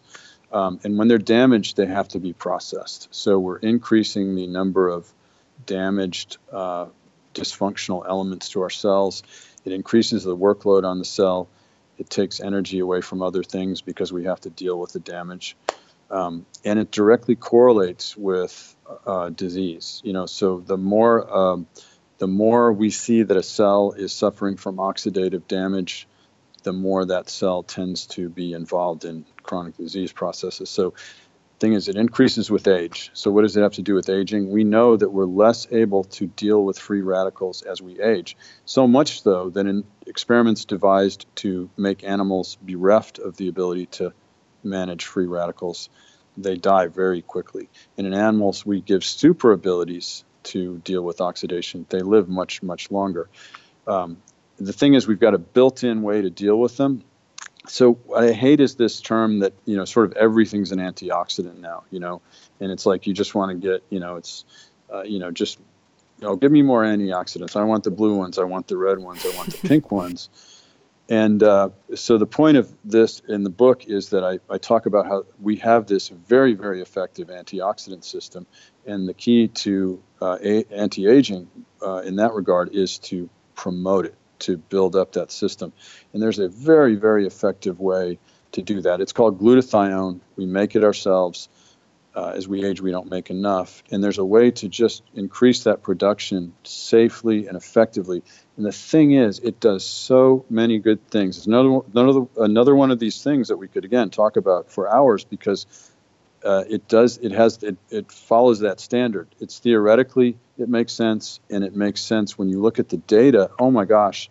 Uh, so I talk about NAC. It's N-acetylcysteine, another amino acid, but a non-protein amino acid, special amino acid. Um, NAC is a natural substance that, oh my gosh, uh, it, has got a, a mile long list of, of good things going for it. So, pretty cool. So, what you're saying here is that we we have oxidation it increases with age and we need antioxidants to to sort of handle it and right. those usual right. you know colors in veggies or uh, vitamin c or whatever th those are not as efficient as our own body's glutathione system for example yes and they're not bad and i'm not saying that you know um, uh, they're they're they're bad things at all and i think they are have they do have a role um, it's just that the heavy lifting is supposed to be done by glutathione. Um, so absolutely, I try to get, and, and you should be eating colorful, fresh vegetables um, uh, because those color, the things that make them colorful, uh, the thing that makes green tea colorful, all of those things are powerful antioxidants. Um, I just, you know, think that um, yes, get eat them, but also I think it's important if you can to engage this mechanism to increase your glutathione production because it does correlate so so powerfully with uh, both the absence of disease and the s- slowing of the rate of aging. And so I take uh, NAC. I take 600 milligrams twice a day, and I've uh, been doing it for many many years. I guess a simple way of saying it is that the other antioxidants that we eat, every molecule of uh, vitamin C, for example, could handle one free radical, while one molecule of glutathione could handle much more.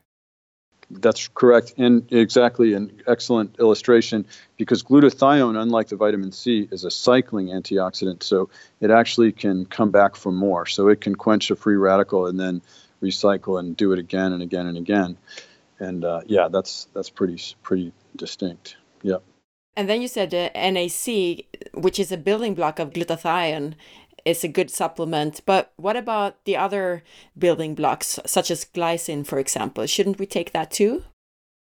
I think it is reasonable to do that. And and again, you know, when I made these choices, partly it was because um, I I didn't want to um, I didn't want to have such a long laundry list of things that it would be off-putting. So I am not in, in any way opposed to uh, taking glycine. In fact, it'll do other really good things. Um, uh, for instance, you know, improve sleep. Um, but um, but yes, so so yes, uh, but but if you only if you want to take one thing, I, I still think it's the NAC. Den sjätte åldrandemekanismen handlar om oxidativ stress. När vi pratar oxidation, oxidering eller oxidativ stress så pratar vi om fria radikaler. En fri radikal, det är en atom eller molekyl som har oparade elektroner. Det här gör att de är väldigt reaktiva, så att de gärna bildar nya kemiska föreningar. Fria radikaler bildas i helt vanliga reaktioner i vår kropp, inte minst vid energiproduktionen i cellerna. De fria radikalerna de kan skada proteiner och lipider i cellerna, vilket bidrar till skadade molekyler som cellen sedan måste ta hand om. Vilket i sin tur tar energi som skulle använts till andra, bättre saker. Det finns dessutom en direkt korrelation med sjukdom. Ju mer oxidativ skada, ju mer kronisk sjukdom. Oxidativ stress ökar med åldern, ju äldre vi blir, desto sämre blir vi på att hantera fria radikaler. Vi har ett kroppseget inbyggt sätt att hantera fria radikaler på, bland annat vårt mycket viktiga glutation. Vi kan få i oss antioxidanter från maten, allt från C-vitamin till färgämnen i grönsaker. Men vårt kroppsegna försvar är så mycket mer effektivt så trots att C-vitamin och, och, allt det här andra som vi får i oss via kosten är viktigt, så är det mycket mer effektivt att arbeta med att höja glutation. Att ta en av glutations byggstenar, NAC, det är ett mycket bra sätt att öka glutation på. Och NAC står alltså för N-acetylcystein. En annan viktig byggsten är glycin och båda de här kan man ta som tillskott. And then the next area here is what we talked about a bit in the beginning here the hormonal decline. Do you want to elaborate a little bit about that, or do you think we covered it? I think we covered it, and and you know, if you want, I, would be, I'd, you know, I, will come on the show again if you ever want to talk about it. Um, I I am not opposed to hormone replacement, and I think um, you know some physicians are doing it very very well. Um, um and I think we're getting we're developing more and more physiologic ways to do it. I don't like the way a lot of it is done, like testosterone replacement, where you get a shot every two weeks. That's not how the body is. You know, a man's body is is used to getting testosterone. Um, the same with the long store, you know, the long-lasting uh, administration of female hormones. You know, for women, um, I think there are there are more natural ways to do it. So if you have a physician that is astute in that area, I think you can get some really good effects. Um, it's just not going to make you younger, but insofar as the effects go, you will get very beneficial effects um, from it. So the best thing to do is to do all these other things that we are discussing now to actually reduce. That's right. Yeah. And it yes, and if you want to do more, you know, and seek out a physician that understands uh, what we'd call bioidentical hormone replacement therapy, hear them out and see and and you it's something you may want to try. I'm not I'm not recommending it, but I'm just saying it it, it can have a role uh, as well. So um, in addition. Yep. okay, perfect. Den sjunde faktorn som vi pratar om i åldrande är hormoner. Men det här pratade vi om relativt utförligt redan i början av avsnittet, så vi går inte in på det i detalj nu. Marcus poängterar vikten av att använda bioidentiska hormoner om man vill tillföra hormoner. Now to the very important area of mitochondria and cellular energy. Absolutely, it, it's uh, it's ironic. I think that you know so much of the uh, the the hullabaloo, if you will, in the modern world has to do with energy. You know, whether people realize it or not. You know, battling over oil or you know something here and there. And uh, it, it's ironic because it, it, the more we've learned about the body and aging and disease, the more we've realized that uh, energy is at the crux of, of so much um, uh, physiology, you know, good and bad in the body. And so I write a chapter about the importance of that and how you can, it's another way you can sort of look at aging, another lens you can see it through. And uh, energy declines with aging. The ability for cells to um, create ATP, the, the gasoline of the cell, um, they get uh, less effective at making it. They uh, they also uh, do it in a way that sort of pollutes the little power plants in the cell, our mitochondria. They're organelles that take in uh, fuel uh, from the diet, you know, whether fats or glucose, and turn that into uh, what our cells understand as energy, which is ATP, adenosine triphosphate. And they, they, they do it in a way that over time gets more and more polluting. So these power plants, the mitochondria, they decline in number and they break down, they wear out. Um, so they're like old, uh, outmoded, you know, coal power plants that belch out soot, you know, and they're still putting out electricity. So we don't take them offline, uh, but they're they're making you know the air smoggy. So what can we do about that? Um, and what's the problem with that? Well, as your cells have less energy in their energy budget, it's sort of like uh, Los Angeles in the summer. You know, they've got to shut off the power to parts of the city, and they have those brownouts and they have blackouts. Um, and uh, you know, if if you know somebody in Los Angeles, they'll they'll tell you all about that, uh, how it happens every summer. And our cells sort of do that too. They budget their energy and they say, "Hey, we can't do this, uh, you know, right now. We don't have enough energy. We can't do that. We can't process that lipofuscin. Um, we can't fix that cell uh, uh, membrane, um, that receptor." Um, you know, we just don't have it in the energy budget. So uh, I think you know it's. I know I'm I'm making this kind of whimsical sounding, but when you look at the data, there's a direct correlation between the degree uh, that a cell shows that aged phenotype, that aged expression, and the efficiency of its mitochondria and the number of the mitochondria. Also, outside of aging, if you look at chronic disease, there's a direct correlation between uh, many chronic diseases now. And when you look at those cells, you'll find they have less ability to make that ATP. Uh, and if you can upgrade it and take heart failure, the heart is a very is a is a high energy utilization uh, organ, and um, and so I think it's very interesting that methods that we use to upgrade cell energy production will improve congestive heart failure. The muscle actually pumps better, and uh, so that's a brilliant illustration of this this effect. So, so I advocate doing things that are natural and effective to upgrade uh, cell energy production. So, how can we upgrade uh, cellular energy production? Um, and so, in the book, I discuss um, something called PQQ. It's a small molecule. It's called a quinone natural substance. It was discovered uh, many decades ago, and really nobody knew what it was. Uh, some are advocating calling it a vitamin uh, because its function appears to be very important and fundamental. Uh, the important thing is you can get it, um, uh, you know, legally and safely at the health food store, and um, and it it does uh, pretty amazing things for mitochondria. It makes the numbers of mitochondria increase. It helps the cell take the bad mitochondria out of production. Uh, it increases the efficiency of the mitochondria you already have.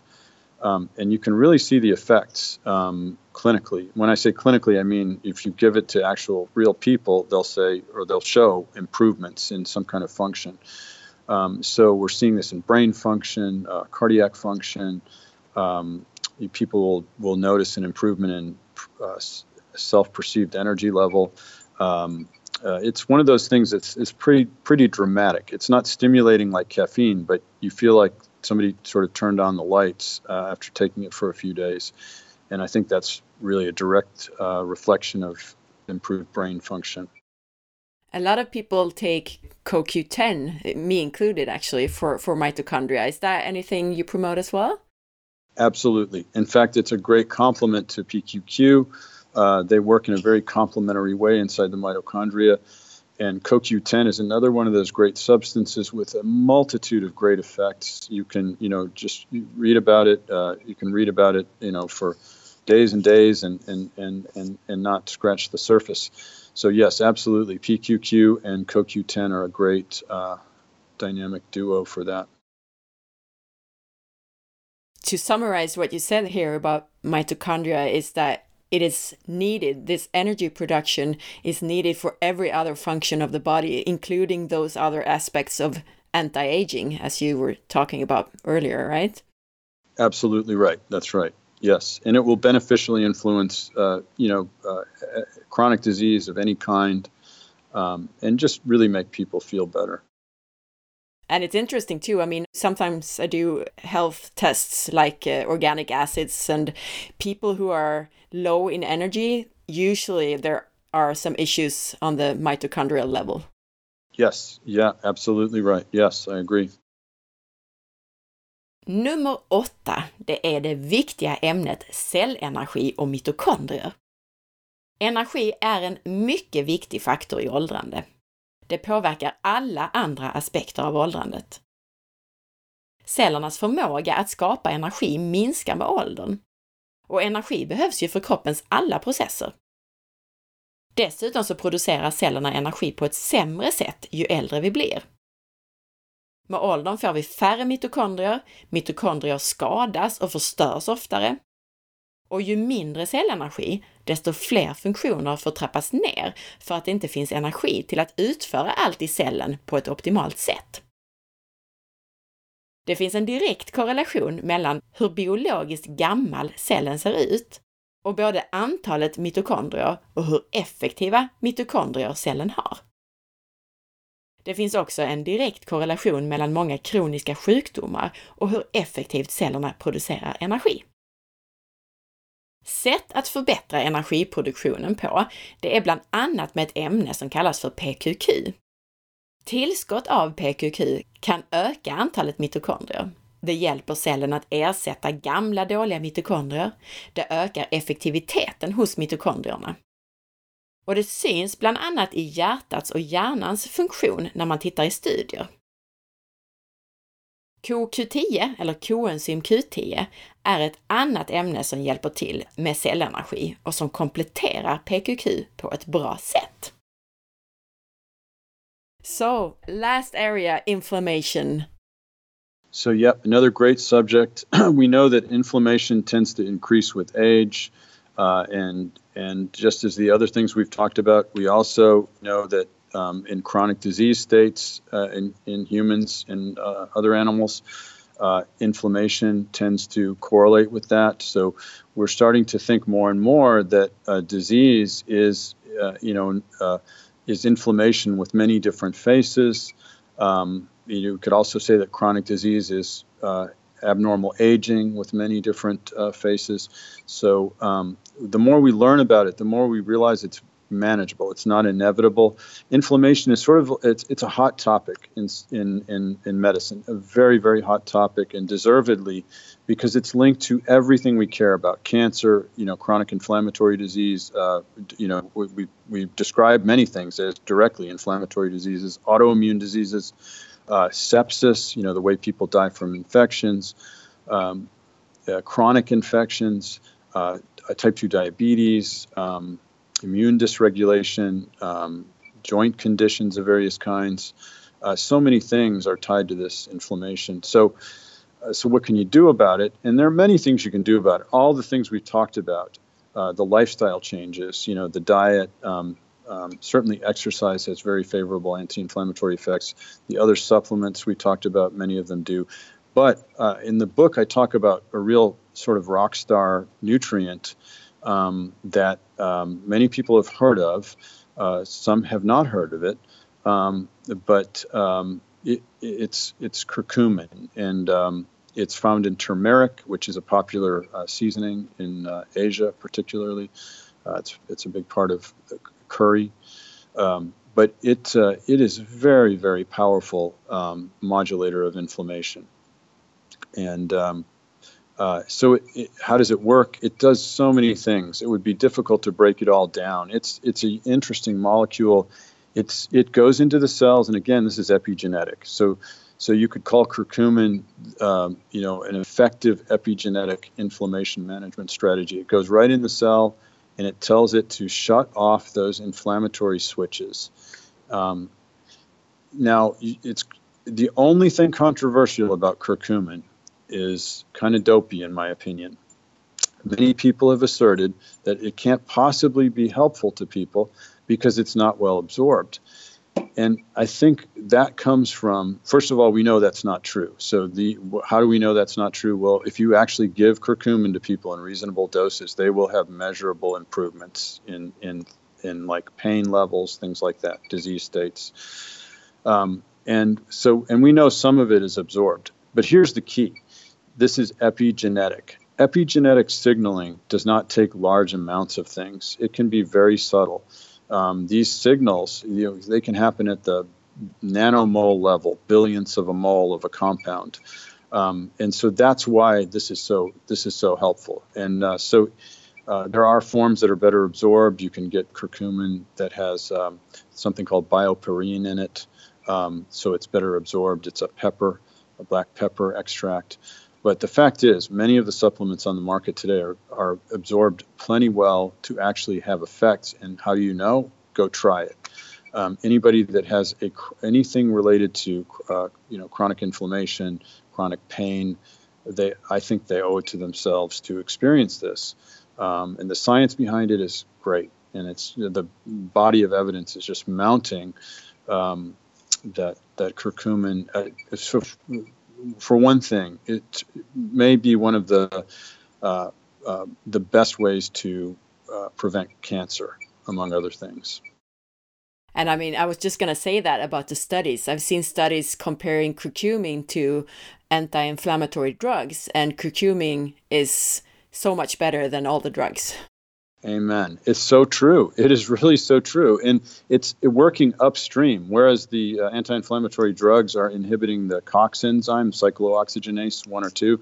Um, the curcumin is actually upstream down regulating the production of COX. So the COX enzyme. So you're getting this anytime you can go upstream uh, you end up just getting a more profound effect, and you don't get the side effects that we all know, you know, are very controversial about this COX inhibition. It can be deleterious on the kidneys and um, and uh, many body systems. But yes, you're absolutely right. Curcumin is awesome, and uh, and uh, I take it every day. Perfect. Me too. Or actually, I, sometimes I take turmeric, but yeah, I take curcumin too. Den nionde och sista mekanismen är inflammation. Inflammation ökar i regel med åldrande och inflammation är involverat i i stort sett alla kroniska sjukdomar. Det sägs till och med att olika sjukdomar helt enkelt är inflammation uttryckt på olika sätt. Det man bör göra för att minska inflammation och undvika kronisk inflammation är egentligen allting som vi har pratat om här. Inte minst kring kosten och träningen. Någonting som är väldigt effektivt mot inflammation är kurkumin, ett ämne som finns i gurkmeja. Det här påverkar cellen på en epigenetisk nivå. Det hjälper alltså cellen att stänga av inflammatoriska switchar. Det är också ett av de bästa sätten för att förebygga cancer. Medan kurkumin arbetar på den här höga nivån, där den påverkar oss rent epigenetiskt, så fungerar antiinflammatoriska läkemedel på en nivå längre ner i processen. Och det här är kanske en av anledningarna till att studier faktiskt visar att kurkumin är mer effektivt än antiinflammatoriska läkemedel och dessutom biverkningsfritt. Du kan köpa kurkumin i tillskottsform eller så kan du använda dig av höga doser gurkmeja. Svartpeppar och ämnet bioperin, eller piperin i svartpeppar, kan förbättra upptaget. Dessutom ska jag också tillägga vad Marcus inte sa, fett är också bra för upptaget. Glöm nu inte att lyssna på avsnitt 143, som är ett helt avsnitt på just ämnet inflammation. most listeners they already have a good diet going on many supplement with, with vitamin d and fish oil or eat a lot of fish if they now add these supplements that we've talked about what outcome can they expect? Um, you know so so typically what people have described is it's it tends not to be very subtle. Now I, I I talked about somatic awareness when when uh, we we first began talking today, and you know some people are just more body aware. Anybody that is fairly body aware will notice a multitude of effects, and because you are influencing your physiology, your body, your aging rate, so at so many different levels, it, in, in so many ways. If you're do, taking all these supplements and doing these strategies, the effects are really profound. Uh, you, you, can't, it's hard to overemphasize it. So each week that goes by, you will have deepening effects. And so the net effect is that um, you will feel it very quickly within a week, generally, uh, with your energy levels, sleep quality, things like that. Um, and then a month later, you'll begin noticing, you know, skin changes. Uh, somewhere in there, you'll notice digestive improvements, usually. Uh, you'll notice brain function improvements. Your memory is getting better. But where you where I think it's really cool is that three if you haven't seen somebody for a while and you've been on this regimen in three months or six months or even better a year, they'll they'll ask you what you're doing because again you're influencing the aging rate and, you're really reversing in many many cases. You're not just slowing where you, where you so you age slower. You you really are inducing that uh, young phenotype in your cells. So they will be surprised and they'll they'll ask you what you're doing. what effects have you noticed yourself?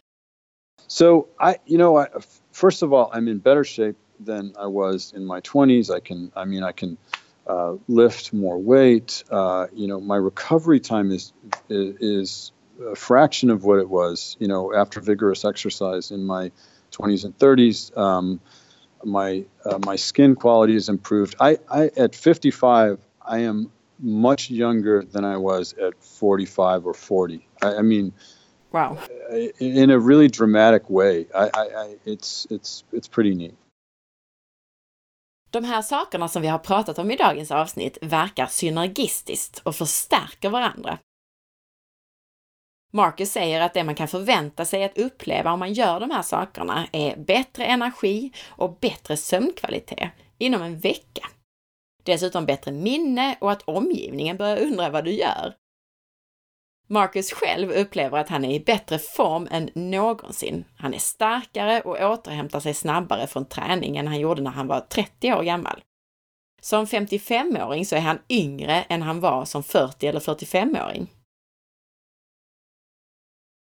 to sum this up, I mean, I agree in all that you're saying. In fact, it was a pleasure to read a book that so well summarized all these areas I know are so important into one single system. So thank you very much for that. Well, thank you. That's those are very kind words. I, I appreciate that. But I want to add one thing though. I mean, I think just as you do that aging, sickness, and health depend on the health of your cells. But I think it also depends on your microbiome. I mean, we consist of yes, our cells right. and our microbiome. Yep. So, so what's your take on this? So absolutely, I, I my take on this is is I think that the way to manage microbiome is more so related to your macronutrient ratios than it is to um, specifically influencing it by um, by probiotics um, and um, prebiotics. So I think it's more prebiotic than probiotic, and that sounds so. To clarify, what I mean is um, when you do these studies, you can give people good gut bacteria, and then it, it does seem to help.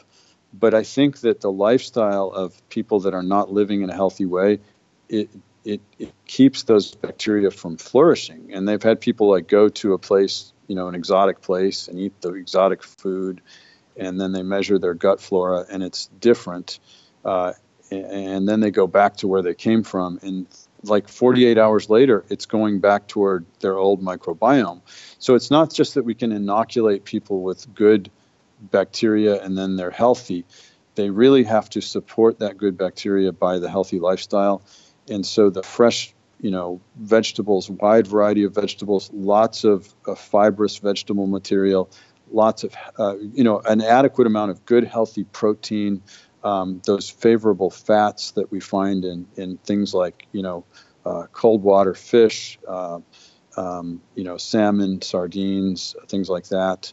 Um, I think all those things are important and keeping the glycemic load low because that glycemic load really seems to uh, cause a die off of the good bacteria. Perfect. Yep. Jag tar upp att jag skulle vilja lägga till ämnet mikrobiom, alltså vår mikroflora, våra bakterier. Jag instämmer i att hälsa börjar på cellnivå, men att hälsan beror på våra celler och även på vår bakterieflora. Marcus tror att det är viktigast att vi påverkar tarmfloran med hjälp av fördelningen av makronäringsämnen, alltså fett, kolhydrater och protein att hålla den glykemiska belastningen låg eftersom överdrivet intag av kolhydrater verkar kunna leda till så kallad die-off av goda bakterier. Han tror också att prebiotika, alltså grönsaker och andra fibrer, är vägen att gå snarare än med tillskott av probiotika. Han betonar att tarmfloran är väldigt snabbföränderlig och att det är viktigt att vi underhåller den hela tiden med en bra kost och grönsaksfibrer. Glöm nu inte att lyssna mer kring det här ämnet om tarmflora i massor med tidigare podcasts. Bland annat så pratar vi väldigt konkret om det i avsnitt 128. If the listeners now want to know more about you and your work, where should they go? Well, so uh, the um, there's a Synergy Matrix website. It's mentioned in the book, but I'm building a new website. Uh, just started working on this. If they go to drgitterle.com um, sometime in the next two weeks, um, and I'm putting all of my content, I've been creating content besides the book um, online in various places for 20 years or more. I'm going to start putting it all on that website and also updating um, all the chapters in the book with new research. Um, I'm going to be deepening the um, content regarding exercise because I think there's so much great data about exercise and aging, um, things that are related to chronic disease and avoiding it. So if they go to drgitterle.com, um, they will find uh, more and more content appearing over the next few weeks. And then I must recommend to to read your book I mean, even if you haven't updated it yet, it's easy to read and, and there are very practical tips in it. Well, thank you. And I still stand by everything in that book. I, I do. And, uh, you know, I think about it all the time. And there really isn't anything that I would say that I would disagree with. Um, people are reading it around the world. I think it's been read on every continent but Antarctica. I'm still waiting for somebody in Antarctica to read it. Um, but uh, yes, yeah, so that book is called Growing Young, and the listeners can actually buy it off the sponsor's website, selexir.se. Excellent, excellent. Selexir is uh, is a great place to buy it. Uh, is a supplement that contains some of the uh, Synergy Matrix uh, components, um, and it's produced in in Sweden. Um, or, um, so, um, but either way, they can go to Amazon. They can get it from the Selexir website. Um, so thank you. And if they do read it, I'm always available for questions. Um, you can email me. Many of the readers do, and uh, we have a lively uh, friends around the world now uh, that uh, that have read the book and use the the the program in the book. So. Du hittar Marcus via drgitterle.com och det stavas alltså DR som i doktor och sen Gitterle Och det här är alltså en webbsida under utveckling där du kommer att kunna hitta mycket information på det här ämnet. Hans bok heter Growing Young och boken kan du till exempel beställa på selexer.se. And I think we need to invite you back because it felt like we could talk for an hour about every one of these subjects that we discussed today. Well, it was a delight uh, to me. I would love to come back, and I thank you for having me on. Thank you so much for taking the time to participate.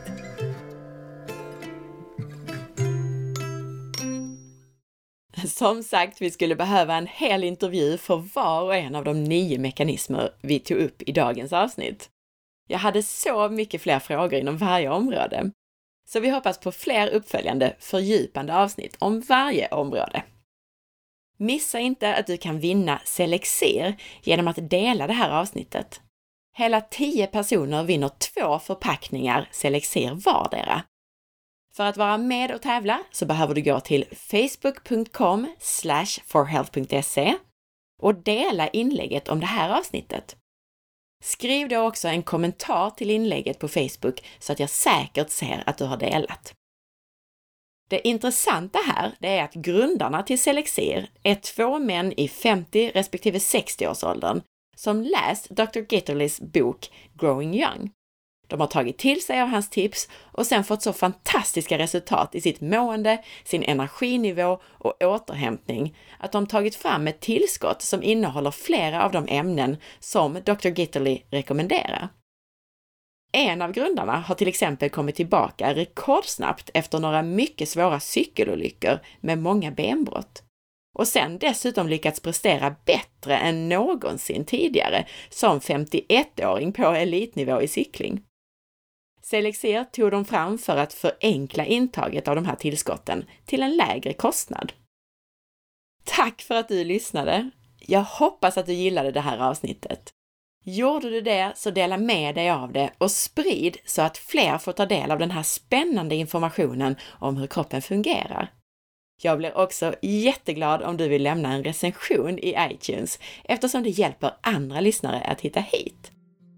Följ med på facebook.com forhealth.se där du kan hitta avsnittsinformationen till det här avsnittet som du kan dela och där du varje dag hittar länkar till nya hälsotips och annat. Följ också mig på Instagram via signaturen asparre och titta in på bloggen på forhealth.se. Ha en fantastisk dag så hörs vi snart igen. Hej då!